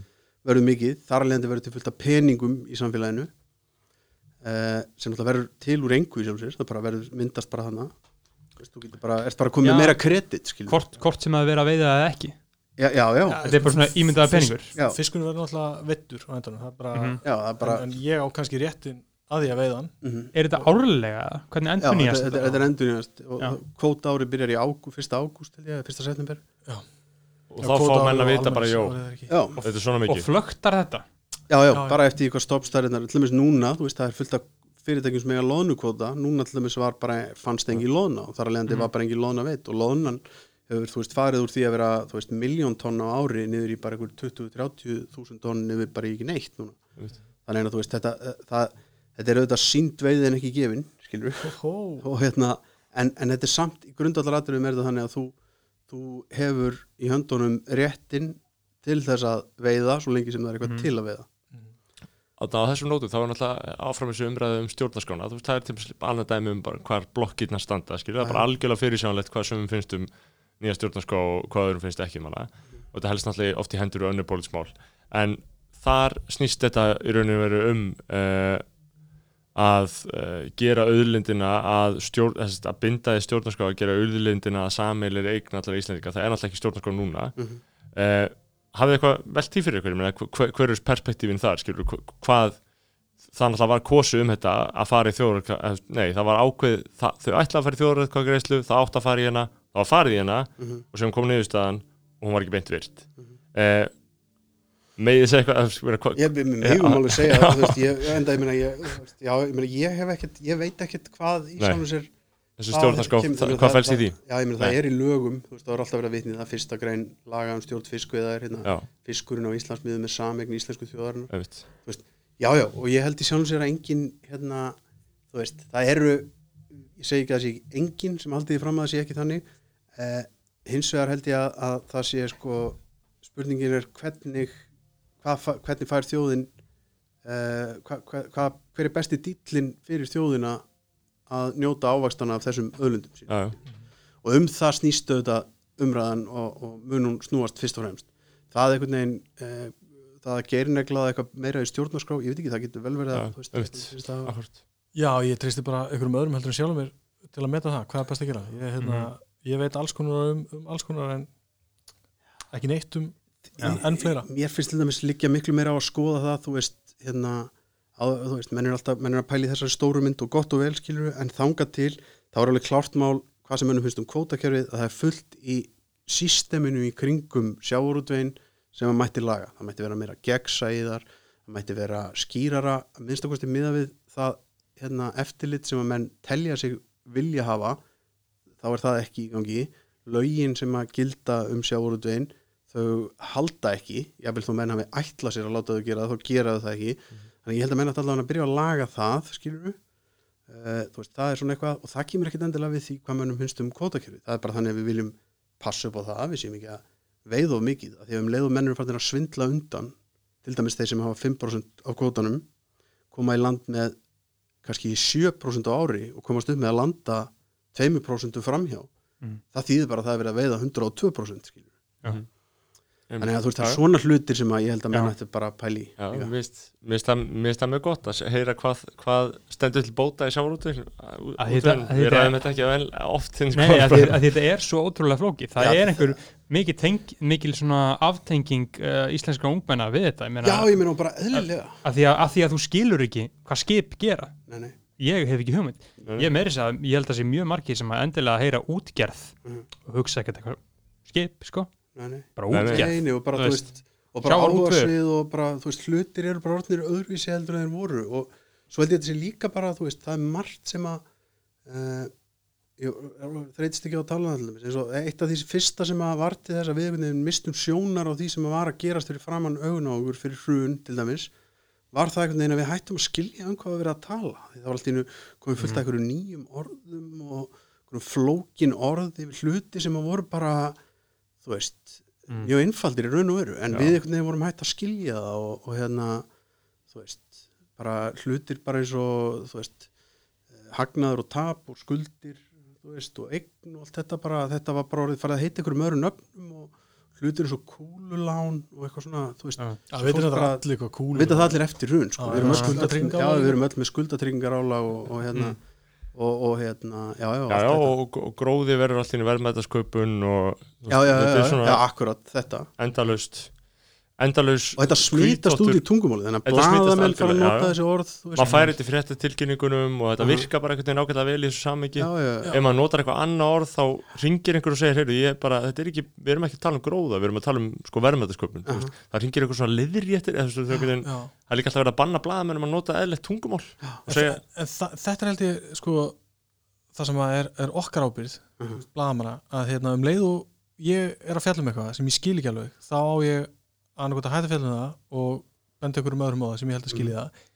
Eða spurja bara eins og ég sé fimm ára bara útskýra Mhm. þetta fyrir mér, af hverju er þetta orðið svona flókið? Og það er það sem að klikkaði hjá blagamönnum fyrir hrun. Mhm. þeir voru farnar að fjalla um eitthvað sem þeir skildu ekki og einhvern veginn tóku því bara sem bara heilugum sannleika sem, sem kom frá hérna, almantenglum og einhvern veginn þessum viðskiptamönnum sem að vistust bara vera göldráttir og allt þetta. Og, og sama með kvotakerfið, að við erum að tala um það núna að um, ég myndi ekki fjalla um þessi mál. Og þess að verið að taka á hans dæmi að ég þurfti að læra munin á þessu. Ég þurfti að læra hvernig kvotakerfið virkar og ég þurfti að læra sögu Nambíu og sögu Angula og, og hérna, hvernig samherji verður þessu fyrirtæki sem það er til þess að geta fjallað um þetta. Að því að um leið og ég er að fjalla um eitthvað sem ég skil ekki þá er engin von til þess að, að eitthvað sem horfir á umfylluna, lesi umfylluna skilji eða fái raunverulega það sem það þarf að fá og á að fá og er partur á sögunni þess vegna skrifuðu við raun og veru þessa bók því að bókin er raun samansapna efninu sem að við söfnuðum að okkur til þess að geta gert þessu efni skil þú veist, án þess þó að við værum að veist, gera þú veist, 12 þátt á sjómaserjur Mhm. en einmitt á þessum nótum sko, einmitt í, í þessari umræðu um orðin og bara tungumáli og bara hvernig við útskýrum hlutina þannig að alltaf líka verið að tala um að fjölmjölega séu bara að veikjast og veikjast skilur, og það er alveg auglust og það sér það hver maður. Eh, og við erum ekki lengur bara með eitthvað svona stóra eða svona æ minna þá erum við bara með svona stóra trösta miðla sem fólk hugsa bara þú veist. Ég held að með þess að þjóðverjar þjóðverjar bara sem lesa spíkel þeir lesa bara spíkel og það er bara upplýsinganda sem þið fá og það er allt útskýrt, það eru leiðarar, það eru, það eru sjónamið þú veist, það eru blaðamenn sem skrifa einhverja túlkanir og einhverja greiningar en ekki bara einhver, hann segir, skilur þú veist, er, er þetta ekki frekar hættulegt bara fyrir, þú veist, samfélagi myndi maður ætla að, að þetta sé að að við, við erum bara með ógsta lítið af þessu Íslandi, sem er bara eitthvað svona alvöru explikatíft, ég meina þeir eru að gera þetta það eru einhver fleiri að gera þetta og ég er ekki tekkt drá úr því en þú veist, Nei, nei, minna, það eru alveg og það, ég held sko, þú veist, ég er búin að uh, að þetta treytist ekki að tala um það að ég sé miljónara sko, en ég minna, Sorry. ég er 41 árs það er exact, nú ekki það mikið. Nei, mér finnst það ekki aðstætt, Hvað er þú hérna- gammal aðeins? Ég er þrítur Það er fættur þá 90 eða? Já. sem mér finnst alveg magna sko. Já, þú þreytist ekki á að tala um það líka. Nei, nei, en hérna en, minna, en, en sko málið er að þegar ég byrjaði í blaðum sko, þú veist, þá hérna, byrjaði ég bara að vinna á svona litlu hér á svetablaði út á landi. Og þá einhvern veginn þú veist, var náttúrulega fjölmiðla landslæðið svolítið mikið öðru sig og það er ekki nema hvað þú veist, 15 ár síðan eða eitthvað eða 16 ár síðan eða eitthvað að þá, þú veist, það hefur breyst þetta hefur breyst alveg ótrúlega mikið á þess, þessum tíma en mér finnst samt eins og að uh, margt hafi breyst til batnaðar í því hvernig við lítum á þetta jobb og kannski líka sérstaklega hvað við erum hérna, hvað blaðamenn eru ja, hvað, þú veist, við þurfum ekki að vera hérna, eins mikið einhvern veginn að réttlæta tilveru okkar fyrir eh, og, og, og það sem við erum að gera fyrir fólki út í einn Já, það er búið að gera, það er búið að keiri í gegn svona smá ákveði svona PR eða Sko- svona bara góðan skilning á því eða svona eitthvað blað með sér mikilvægir Já, hluta skilur. þessu kemur náttúrulega með hruninu þegar Já. einhvern veginn fólk fór að vilja hlusta á, á slæmarfréttir sko. ef að, þú veist, fyrir fólk sem að þarf alltaf að snúa allir upp í það eitthvað séu góðar fréttir og eitthvað séu slæmarfréttir Já. Ég hef einhvern veginn góð fjölmjölun í gangi og uh, upplýsingar vel, uh, vel, vel unni úr þeim á mörgum stöðum, bara hjá ykkur Já. rúf hjá kjarnanum stundinni. En gallin er En Bjart.is Eh, en gallin er einmitt, þetta er ekki matað uh, onni í fólk, það er ekki norm lengur eins og kannski var fyrir 20 árum að allir lása eitthvað dagblað. Já, eða allir lýsa eitthvað fréttir, það er ekki norm. Fólk er á Instagram í dag, skilur fólk er já, já, einhvern veginn að sjóði sér heilan. Það, það þarf einhvern veginn að koma upplýsingunum til skila á annan hátt sem er ekki endilega verið að gera Ég, sko, ég og þessi ég, ég, dauði fjölmiðlana er líka eitt sem að er, er, er óþólandi og er búið að afsana þetta er eins og fyrir nokkur mánu síðan þá voru menn alltaf að tala um að lesa engin texta sem er meira en þú veist, 200 orð mm. þetta er bara kjaftaði uh, hérna, sama með þú veist hérna, það nennir engin að horfa á sjónvastátt sem er bara einhvern veginn að, að sláði utanundir við erum búin að afsana það líka. Mhm. kveikur er með þú veist uh, massíft áhorf Þetta er bara einn ein vinsalasti þátturinn í sjónvarpi Já. þegar við erum í loftinu. Hvað, við, hvað mikið áhorf, með þið segja? Það? það er misjátt náttúrulega eftir Já. bara Já, hvað erum að en Við heldum við henni þrísvar á þessu sísónum að þátturinn vinsalasti dagskráliðurinn í sjónvarpi þá vikuna. Það er, er, er að tala um 100 ásum manns? eða- Nei, við tíu höfum þúsund alveg verið yfir það, þú veist. Já, já, 30% eitthvað þannig við höfum farið vel yfir vel það yfir sko. 30 vorum 40 40 og eitthvað í samverðskjólinu Aha. 40% af íslensku þjóðinni.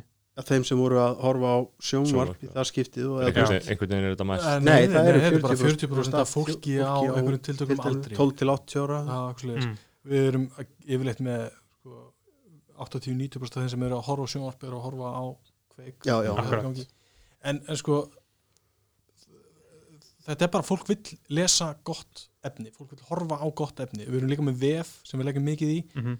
Og þar erum við með mörg þúsund orða fæslur Mhm. og við sjáum að fólk er sko, í marga marga mínútur veist, að, meðaltali sem þýðir að einhverjir eru að verja miklum tími í þetta og aðri kannski minna eh, ég held að fólk sé bara kröfuharðara á að efni sé gott Mhm. fólk, fólk vi- eh, vill ekki eitthvað krapp þú vill ekki fara á eitthvað veðmiðil og fá bara eitthvað algjört drast og fjölmjölar sem ganga út á það og þetta er svona clickbait dæmi sem ég held að sé stórkostlega óðmyndi fyrirbæri á Íslandi allavega og víða Mhm. eh, það, það hefur enginn hag á því að vera í, í, í því að þegar fólk nennir ekki að, að hérna, nota það efni fólk, fólk, fólk vill ekki það efni og ef, ef við erum að tala um dauða fjölmila sem að ég sammála helga að sé ekki raunverulegt fyrirbæri eh, að þá erum við kannski að horfa að dauða þannig fjölmila Mhm. Uh, þú veist, við erum líka með að því þú nefndir á stundina er, man, það er ég, það voru fréttur úr ásreikningunum þeirra að þeir eru réttu með við núli þeir eru fullt af áskrifundum já það er enda frekar fucking shoot þeim gengur loks bara vel bara stundin í kjarnanum þú veist. Já, já, ég meina og það er, þú veist, einmitt þetta, þú veist, á, á sama tíma eru sko, þú veist, þessi establisheriðu engamiðlar einhvern veginn, þú veist, hvað sem það er vegna þess að þeir eru ekki, þú veist, eða vegna þess að það er, þeir eru partur af einhverjum samsteipum sem að, þú veist, er búið að vera að velta áfram með skuldum eða, þú veist, mennindir sem stjórnaðum, þú veist, eru bara ekki góður ekstra menn eða hvernig sem það er, að þeir verða að tala um rekstrar vanda fjölmiðluna, þá er það ekki endilega, þá á það ekki endilega við um, þú veist, fjölmiðla, fjölmiðl sjálfan eða þú veist, Nei, meina, þú veist, þetta er alveg hægt eins og á stundinni, þetta byggist þetta á því að þú ert að sækja gútvill og þú ert að, hérna, þú ert að bjóða fólki upp ákveðinu þjónustu, þú ætlar að sinna ákveðinu vinnu, þú ætlar að, þú veist, koma reynd fram með það, að þú ætlar að, hérna, þú veist, að fara lengra heldur en bara það einhvern veginn að bjóða upp á, þú veist, hérna, Instagram vikunar, þú veist, við höfður í verðingu verið því, það er gott, það er gott. Það er varst þú að- ekki með þetta hjóli í áhrifavald hérna á Twitter um svo er það eitt, þú veist, hjóla í áhrif vegna þess að ég var eini maður sem að byrti tölvupóstin sem að gekk á milli manna sem að var, sem að þú veist þúsund áhrifavaldar á Íslandi höfðu fengið, Já, sem að var basically tilbúð frá vók um það að kaupa auglýsingu. Já, og það er einhvern veginn, þetta gekk svona manna á milli og allir bara eitthvað, hvað, þú veist, er hún að segjast hafa, þú veist, bara fengið að vók hafi bara hringt í hann og bara Yes, we like your sports clothes, Miss Lína Birgitta Þú veist, þetta, hún var bara ekki að segja satt, skilur Nei, ég, ég, ég var að segja þarna En í, hvað hva, hva finnur þú hjá þér til þess að þurfa að segja frá Skilja, það er ekki margir sem myndi dóra því ég bara nenni ekki vissin ég myndi aldrei púla ég, myndi, ég nenn ekki Ég myndi bara vera hrættur að fá skilabóð frá Define the Line Sport sko. Hefði þú postað þessu aðstöð? Já, að sjálfsög sko. Að sjálfsög nei, en þú veist, og að því þú voru að tala um sko, getum við tjáð ykkur á skoðanir og, og höfum við ykkur á skoðanir, ég meina að þið sjáu það bara að, þú veist, Helgi posta þessu að því hún finnst ekki lægi að ljúa Einmitt. finnst ekki lægi að koma í fjölmiðla og, og, og segja ósatt. Það eru þetta skoðun í sjálfum sér. Uh, við fjöllum um samherjamálið af því að, þú veist, ekki af því að ykkur sagði okkur að þetta væri eitthvað iffi, er af því að okkur finnst þetta Mm. iffi fjöllum um brottkast af því að við vitum hvernig lögin eru og við sjáum að þetta er ekki í samræmiðu þau. Og þá fjöllum við það, við náttúrulega tökum alltaf ákvörðun um hvað við fjöllum. Afstæðan felst í því að ákveða fjallum málið skilur Já, já, við hefðum alveg getað tekið afstöðuna þú veist, uh, og sagt hérna já, já, ok, það er verið að múta þarna hugsanlega einhverju mönnum í Namibíu eitthvað, er þetta ekki bara businessin eins og hann virkar, þú veist, við hefum Já. getað týnt til hundra dæmum það hvernig einhver fyrirtæki haga sér svona í Afríku alveg þúsund þess vegna skilur við hefum getað týnt til alls konar þú veist uh, þú veist er fiskidagurinn er frábært dæmi.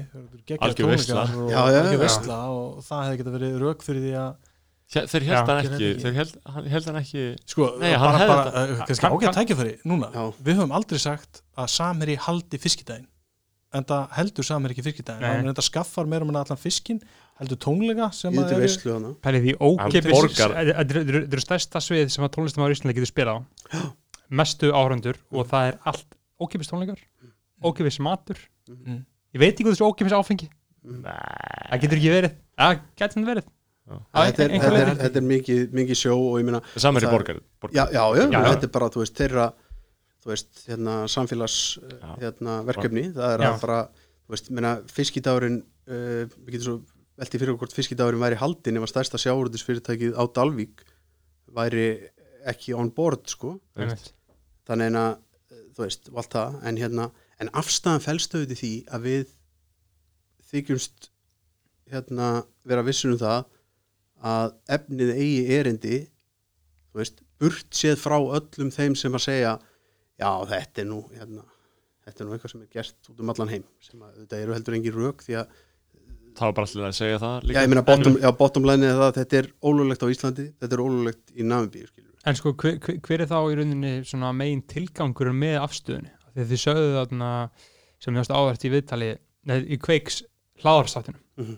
þið voru spurðir þarna hvað haldið að gerist og þið svöruðu báðir ekki neitt það er ekkert að að gerast Ég er meina, er það, ekki bara, það er bara reynslan af því að er eitthvað fjall, vonleysi bara fjallað um Já.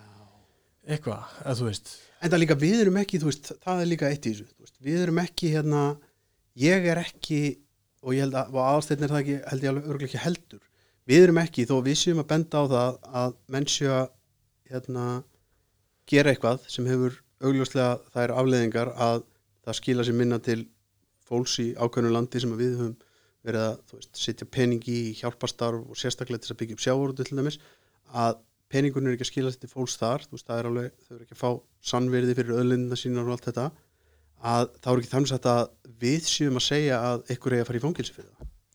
Þú veist, það er ekki Þeir eru ekki drif, okkar. drifkraftur breytinga heldur Nei, bara við erum sko, ekki- talsmenn sannleika Nei, og veist, við erum er ekki, ekki- löggunni sko. Nei, ég, já, við erum ekki í löggunni og við erum ekki dómstólar, þú veist. Ég er ekki að skera, þú veist, í rúmgablin hjá mér Mm. svona, uh, daga þá sem hafa sitt, farið í fangilsi eftir eitthvað sem ég hef fjallað um. Það er ekki markmið En- ekki en trúið á það kerfið það? löggan og er pepp, peppið í lögguna? eða? er, er, er, vil, vil ég abolish það? Nei, ég meina, ég, ég get alveg sagt ykkur það að, veist, eina framlægið sem ég held að hafi verið gáulegt sem að ég, svona, mín viðvör, mín, mitt framlæg til viðvörunarljósana fyrir hrun var umfjöldun sem ég gerði 2006, held ég, sem að snýrist um það að ég laðist í, eh, hérna, uh, mikla rannsóknarvinnu með uh, uh, honum Friðrik Þór Guðmusinni sem er svona oldtimer svona rannsóknar blaðamaður við höfum notað það sem að er núna kennar upp í háskóla að við könnuðum hvort það væri meiri líkur á því að þú myndir sleppa við það að setja í fangelsi eða þú myndir svíkjunda skatti veist, fremja efnagsbrot sem voru í svona sér uh, hillu á Íslandi eða heldur en eða þú myndir fremja ykkur önnur brot. Og við komumst að því að það voru talsvert mikið meiri líkur að þú myndir sleppa við að fara í fangelsi uh, ef, að, að brotiðin voru stór í þeim skilningi að þú uh, sveikst mikið undan skatti stó, fram til stóran fjárdrátt eða tókst þátt í ykkur svo leis uh, hérna, eða gerðir beittir fyrirtæki fyrir því eða eitthvað svona heldur en eða þú, veist, varst að fremja annars konar glæpi vegna þess að efnaðarsbrotadeildin sem að var með alla þessa stóru glæpi hún var svo illa henni gekk svo illa að rannsaka þessi mál að það töfðust öll úr hófi fram sem var til þess að þegar þú fegst dóm sem var kannski þryggjára fangilsi þá fylgdi það alltaf því vegna þess hversu málið hefur verið lengi í rannsókn þá er ekki fórsannulegt bara út frá mannréttindum viðkomandi að setja henni í fangilsi núna hann er búin að býða svo lengi og það er bara það er alveg eðlilegt sko. Þannig að við komumst að því að það voru líkunar sem síndi það náttúrulega að kerfið náttúrulega var bara e, það veist það er ekkert að kalla þetta annað. E, Já, ég vil þetta kannar að það er hanna til þess að hlýfa ákveðnum hópum. Já, ég meina þú veist að því það var líka alltaf stanslust að láta menn vita því, býta, heyrðu, við erum ekki að ná að sinna þessu og það voru viðvöruna sem voru stanslust að blikka sko. Uh, Þú veist, annað dæmum þetta er dæmis það að, eh, í landi þar sem að búa 200 og eitthvað þúsund manns á þeim tíma uh, voru, var búin að vera virk hlutabrifamarkaðar á Íslandi, þú veist, kaupöll í eitthvað 20 ár fyrir hrun. Það var ekki fyrir eftir hrun sem að fyrsti maðurinn fikk dóm fyrir innherjasvik á Íslandi. Og innherjasvik felast basically svona í grunninn í því að einhver notfæri sér upplýsingar sem hann annarkvort hérna, fær í krafti stöðu sinnar eða eitthvað til þess að taka ákvarðanir uh, og, og hagnast á þeim í viðskiptum á hlutabæramarkaði í landi þar sem að búa svona fáir þar sem við vitum að allir eru svona vel tengdir og hvernig allt er þá er náttúrulega bara algjörlega absúrt að fyrsti svona dómurinn hafi fallið að, að basically fyrsta brotið það hafi verið framið Mm. 20 árum eftir að þetta gerist. Eru þá að tala um að dæmum innhýrasvik eða bara einhver að vinna í Æslandir og veit að einhver er að fara að vera reikin eða þú veist? Já bara, þú veist, það getur verið bara þú veist, þú ert, ert skilgreindur innherji eða þú færið upplýsingar mm. sem að aðrir hafi ekki á markanum til dæmis þegar þú ert forstjóri í félagi þegar þú ert þú veist, uh, stjórnvöld til dæmis, ég meina ráþeirar geta verið skilgreindir sem innherjar ef að þeir til dæmis eru eins og núna þegar Æsland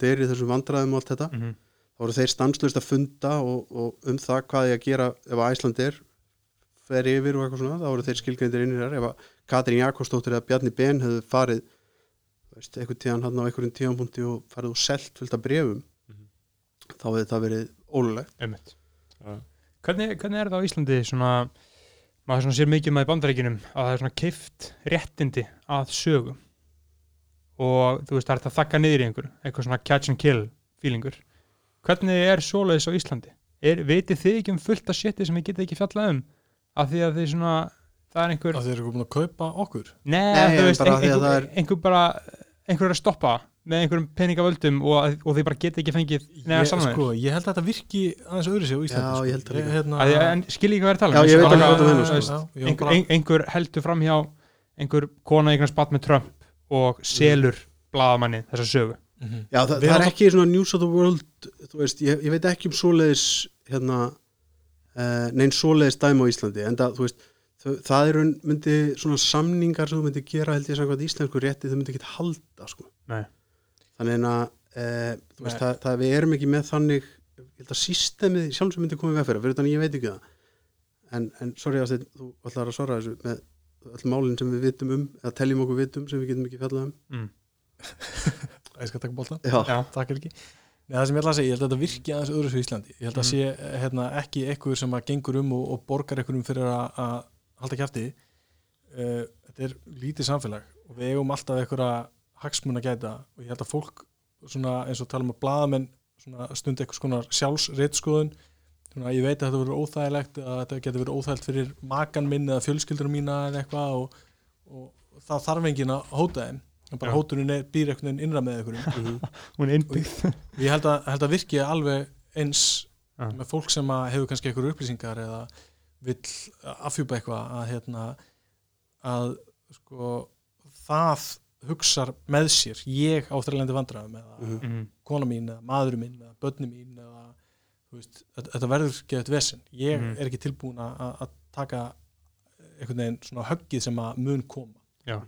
Það er Það- þægilegt að þegja sko. Þannig að það, það er engin peningar í einhverjum svona þökkunarmálum á Íslandi. Ég held að þetta sé bara ég svona veit kerfi. ekki til þess sko. Nei, sko, System ég held að Já, ég held að þetta er svo að segja, þú veist, þetta er svona system sem að byggist upp á því að bara þú horfir bara á, þú veist, ég meina öll dæmin sem við höfum um menn sem hafa einhvern veginn uh, þú veist, og við höfum þetta að sjá, ég meina Jóhannes Stefánsson gerir sér til mér sannlega grein fyrir því, öll dæmin sem við höfum um uppljóstarar á Íslandi ég meina þetta er ekkit hérna þú veist, Það er ekki einhverja að fá success og allt Nei, saman sko, nei. og fæstar og það eru það almennt, almennt ekki í heiminum skilur, þó að það sé, það sé misjaflega hérna, slæmar en ég meina það hérna e, það þarf kjark og áræði og, og, og þú ert kaldan haust til þess að taka ákvörðun um að segja frá og hérna vitandi það að, að hérna að þú veist eins og Jóhannes ég meina hann er búin að vera að vinna í sjávorútu í allt sitt líf hann veit alveg að hann er ekkert að fara að gera það aftur sko mm.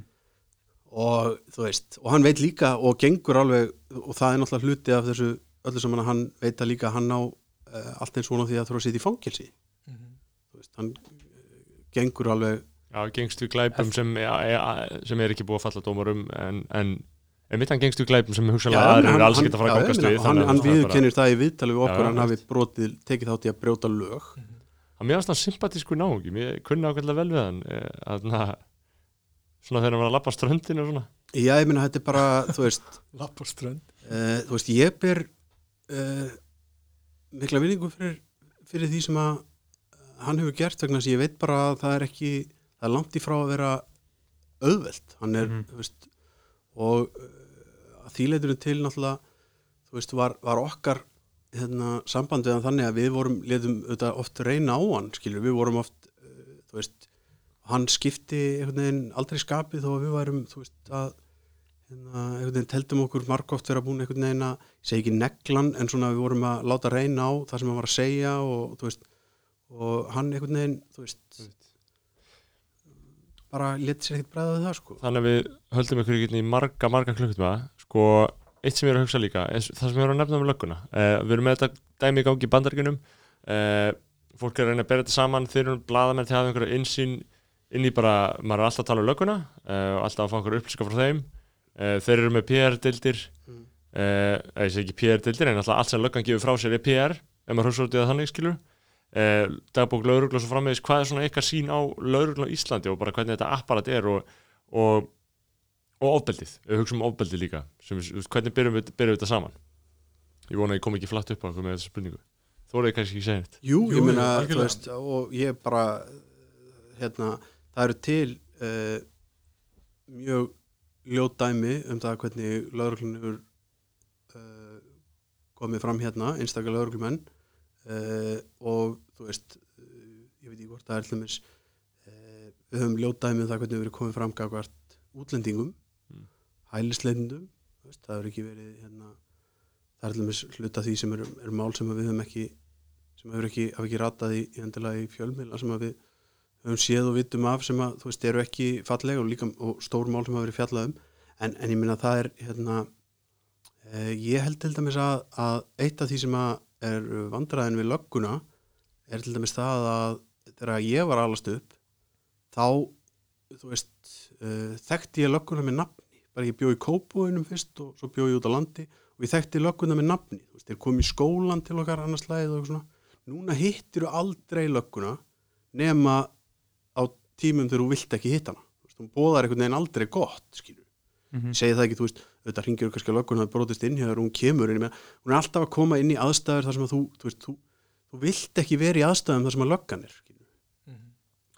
Uh, það búið að fjallaja okkur svolítið frá þeim öðruvísi, þannig að við erum til alveg bara kynnslóðir af börnum sem að hitt aldrei lögguna nema undir þessum formörkjum og fyrir þeim er bara löggan eitthvað fólk sem að gengur um með belti, með meysi, skambisum lærið og eitthvað svona.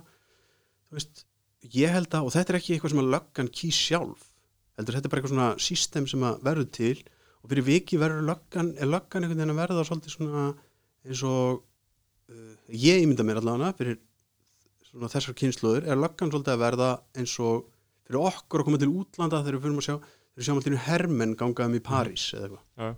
Þú veist, maður verður svona úf, já, fuck, bara þú veist, þannig að uh, Já, löggan er líka uh, sko stofnum sem að getur ekki hérna, framfyllt öllum lögum og, og það þarf að forgansraða og það er alltaf eitthvað sem að þarf að tala um og má gaggrína og við höfum mismöndi skoðunar á.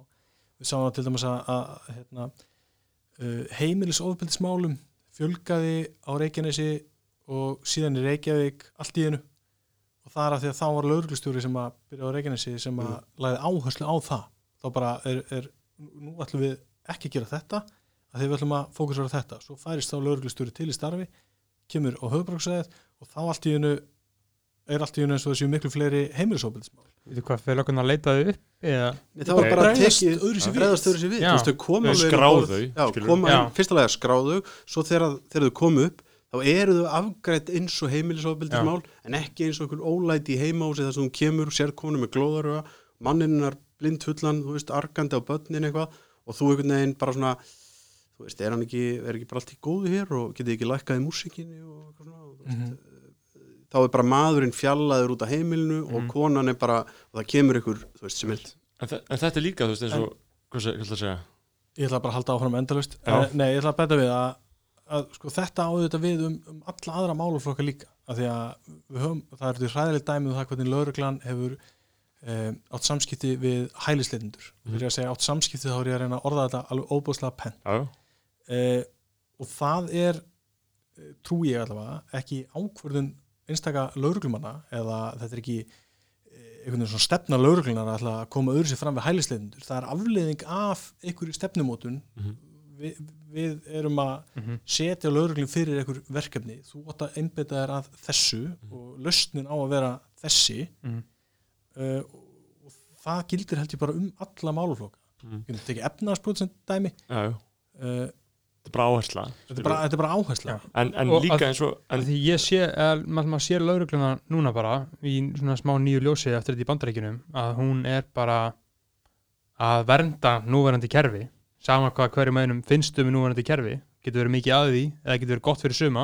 Gott fyrir hinn, hin, gott fyrir suma, vont fyrir aðra. Mm -hmm. og löggan verndar þetta kerfi núverandi status quo með valdi og ofbeldi. Já, og þa- þarna ertu, þarna er þetta líka búið að fá að gerast sko yfir svo langan tíma. Þarna er þetta orðið sko partur af því hvernig lögreglan virkar. Og Mhm. mm bandrækjunum er náttúrulega það er öðru sér lögreglið í bandrækjunum heldur en til dæmis á Íslandi, það er bara þjálfunni miklu stittri, það er, það er alltaf aðra áherslur, þetta er, þetta er hérna, einstaklingar sem verður með aðgengi að sko hernatólum. Mm. uh, og það er ekki það sem við verum að horfa á hér. En ef að til dæmis að við myndum fara sem sagt, ekki taka þessu umræðu um hvar áherslu lauruglunar á Íslandi eiga að liggja við myndum ekki vera gaggrinin á það og, og hérna, tilbúin að endurskoða það, þá náttúrulega hægt og rólega verður þetta eitthvað svona stopnara mentality mm -hmm. Að þú gengur í laurugluna að þú gengur inn í einhverjar aðstæður og þekkir ekkert annað heldur síðan áfram í 20-30 ár og allir sem koma að þú hjálpa þeim að komast inn í sömu aðstæður. Þannig að held yfir einhver tíma þá verður þetta ég held líka sko það sem þú nefnaði með sko, þú veist, tölfræðina að heimilisofbeldis mál málum fjölgar að því að það er byrjað að skráðu og svo framvegis. Þetta er líka bara dæmi um það að lögreglan alltaf stjórnar einn tölfræði, skilur þeir stýraði bara hvað kemur fram og hvað þau gefa út og þú veist og mér finnst líka mikilvægt að þetta bladamenn til dæmis um, séu almennt krítiskir á bara almennt þú veist, veist dagbúk lögreglega, þið sjáu hvernig það fer inn á Mhm. fréttamila, þetta fer bara inn bara face value, bara alveg eins og það kemur skilur bara, já, lögreglan bjargaði þessu, græjaði þetta, gerði þetta Mhm. vel já, veist- lögregla þurfti að beita valdi Já. Já, Og- og alltaf- alltaf, veist, alltaf eða það er svona minnsta aggressjón gagvart lögreglunni Mhm. þá kemur það fram þarna skilur þetta er bara svona alltaf að segja að það mæðir mikið á lögreglu skilur já, já, ég meina þú veist og allt þetta er, þú veist, þegar þú ert hérna orðin dómar í eigin sög með alla hluti og þú ert líka orðin fann að segja fréttir af sjálfum þér og þú, þú veist, og, og ég meina þegar ég var að byrja að vinna í blaðamennsku þá ringdi maður bara í lögguna Umt. núna einhvern veginn, þú veist, að því ég er náttúrulega ekki venjulegu í þessu venjulega ati þá bara gerist það alla við, við ringjum alveg, þú veist, jú það er löggutjekk en þú veist, aðlega er þetta bara morðana já. eftir helgi og maður ringir svona aðeins út um land en ég meni, jafnvel þó að maður væri að þá ringja er það myndi ringið þess að fá upplýsingar um það, hvað þeir eru tilbúin að segja um veit að gerist. veist, en ef þú ringir með upplýsingar um eitthvað sem þú vilt Já, fá að verifæja eða ber undir það eitthvað svona það er annað. það er allt annað, Annað, þá er komin eitthvað svona blokk og það Já. er hættulegt. Og það, einmitt, já. En það, já, það er margt í þessu sko, en aðalega bara einmitt að, að mér finnst að stundum fara inn bara algjörlega face value bara eins og engin, já, eins og þetta sé bara sta- sannleikur, þegar þetta er náttúrulega bara PR sko, þeir myndi Já, alltaf það er senda bara eins og eitthvað frá allar sér og allar aðra stopnarnir og allar aðra, þú veist, almennt sko. Já, þetta áheldur ekki bara við um lögguna. Það eru er ótrúlegustu fyrirtæki og stofnanir búin að mynda sér eitthvað skonar fréttastúður eða fjölmiðla Mhm. það sem er verið að segja frá Utryggisráðuniti er með podcast það sem hefur verið að fjalla um, um málu, ég er ekki að segja að það get ekki verið áhugavert Já, já. það get ekki verið sko góður að gælda verst þau eru ekki að fara að tala ítlum guðlu þór skilur Nei og ég meina og það er heldur ekki hérna og, það, og þetta á heldur ekki að uh, og þetta er ekki hérna og menn með ekki ganga með það grillur í haustnum þessar stofnanir sem er að gera þetta eins og landspítalinn sem er komið með sko bara mega deild mega sko. deild í þetta og, og eða bara, þú veist, Íslandsbanki sem er bara komið með sína einn sjónvastöðleiku og eitthvað svona, Eh, þú veist, þetta er ekki þjónusta við, við uh, almenning í einhvern fjölmiðla, sko, þetta er ekkert með það að gera, sko, veist, þetta er bara, hérna, þetta er pér og, og þetta er ekki, og þetta er ekkert sem að þessi stofnanir geta notað til að segja við fjölmiðla, heyrðu, við erum nú að gera þetta, nei, bara kemur ekkert við, sko. Veist, við erum ekki að veist, við, erum að við viljum fá ófílterðar upplýsingar frá ykkur skilur. Já, já. það er málið þannig að við Já. erum búin að taka heldur gott Já, gott Gott. spjall gott þarna góðan rúnt í þetta maður En ekki, Eh, Jú. hafið þið aldrei viljað stofna hlaðarsm eins og við erum með það sem við gasið bara um ekki neitt þið viljið bara flytja alvöru En- ég var í morgun útvarsminni í 12 mánuði Já, Já. ég var með vikulókin alltaf svona en, Já. en ég hef mitt podcast og þessi hlaðvörp er til dæmis gott dæmi um það að hérna, ég meina þeir eru með hlaðvarp sem að þeir eru stundum að senda út sko tveggja tíma þætti já, en á Spotify eða eitthvað. Mhm. með það fólk hlustar á þá sko. Já, fólk gerir gerir það. þetta sko. Og og ég fólk gera hefur samt ekki aðtegli meira en, en hvað? Svo, svo kemur þess hérna. fólk getur ekki, veist, sem er bara rugl sko. Ég held einmitt sko, að til mér slaðvarp sé þú veist, bara hljóð og eitthvað bara ít að taka og byrja þáttinn. Ég held að þetta sé bara neysluvenja sem fólk er virkilega að fara inn á núna sko. Já, fólk er að byrja sig og uh, við erum líka komin í framtíðina Patreon, Mhm. fjármögnum þáttum bara Mhm. hlustendur. Það 100, er- 100, 100 og hvað, 22 sem að borga mánuðarlega 5 dólar á mánu Það er frábært. Það er eitthvað, það er eitthvað. Þetta er framtíðin, þið eru að tjekka á því, Patreon. Þið eru með útvarskjaldi, þið eru heldur öryggi með Já. útvarskjaldi Já, við erum alltaf með þetta. Þetta heitir bara hérna ríkiskattstjóri Það er okkar Patreon. Skatturum.is Já. allir ná skattin.is og gefa kveiki pening í gegnum Já. takk, hérna fyrir komandi drengir. Helgi og Afsett, takk fyrir þetta Þetta. var frábært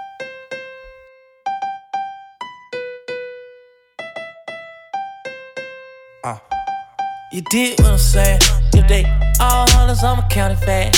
Yeah, I wanted money, I couldn't enjoy class. I'm a big old player, I got it from a dad. Hey, lil' mama did what I'm saying. Keep it funky like a egg and you'll never land. How my nigga, they don't play, they all want them band. I signed a bossy, little bitty motherfucking man. I go crazy, I go crazy for these fucking bands. Fuck a lady, I replace her for these fucking bands. It's so crazy, I'm not lazy, I want fucking band. A boss, put that bitch out on the balcony. I might take a picture and tell them the caution this.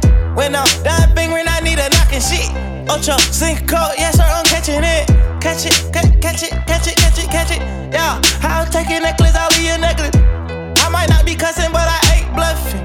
Niggas want problems, it's not nothing. I'm screaming, bring it on like Gabrielle. I'm a real big dog, I don't kiss and tell. Hell, first you want it, then second you pale. Yeah, don't think he quick, he pulled up like a snail. Oh, water in his eyes, I let that sucker go. And I forgot to tell him that you a pole. I'm not doing a 20 year sentence about you, you a hoe. But do you dig what I'm saying? They all hunters, I'm a county fat. Yeah, I wanted money, I couldn't enjoy class. I'm a big old player, I got it from a dad. Hey, lil' mama did what I'm saying. Keep it funky like a egg and you'll never land. How my nigga, they don't play, they all want them band. I signed a bossy, a little bitty motherfucking man. I go crazy, I go crazy for these fucking bands. Fuck a lady, I replace her for these fucking bands. It's so crazy, I'm not lazy, I want fucking band. Baby, yes, sir. Take her, nigga, flex her. I burn her up while you turning her up. And I got on chokes but young thugger not stuck. Swear, swear, swear, I swear I'm slime, nigga. You break a rule on him or her, you get fined, nigga. These niggas know I really don't say they don't try, nigga. I might stroop your bitch with my bro pies, nigga. Hell yeah, on my car, they gon' bitch tail. Hell yeah, on my cell till I'm dead to pale. Get you niggas getting money slow just like a snail. I told her the mail is how they send them bells. I can never be him, but you can wish me well. I came a long way from shopping at clearance sales. See, let me come in, I hit just like some gel. I'm a real blood, I know you smelling deal what I'm saying. All hunters, I'm a county fat.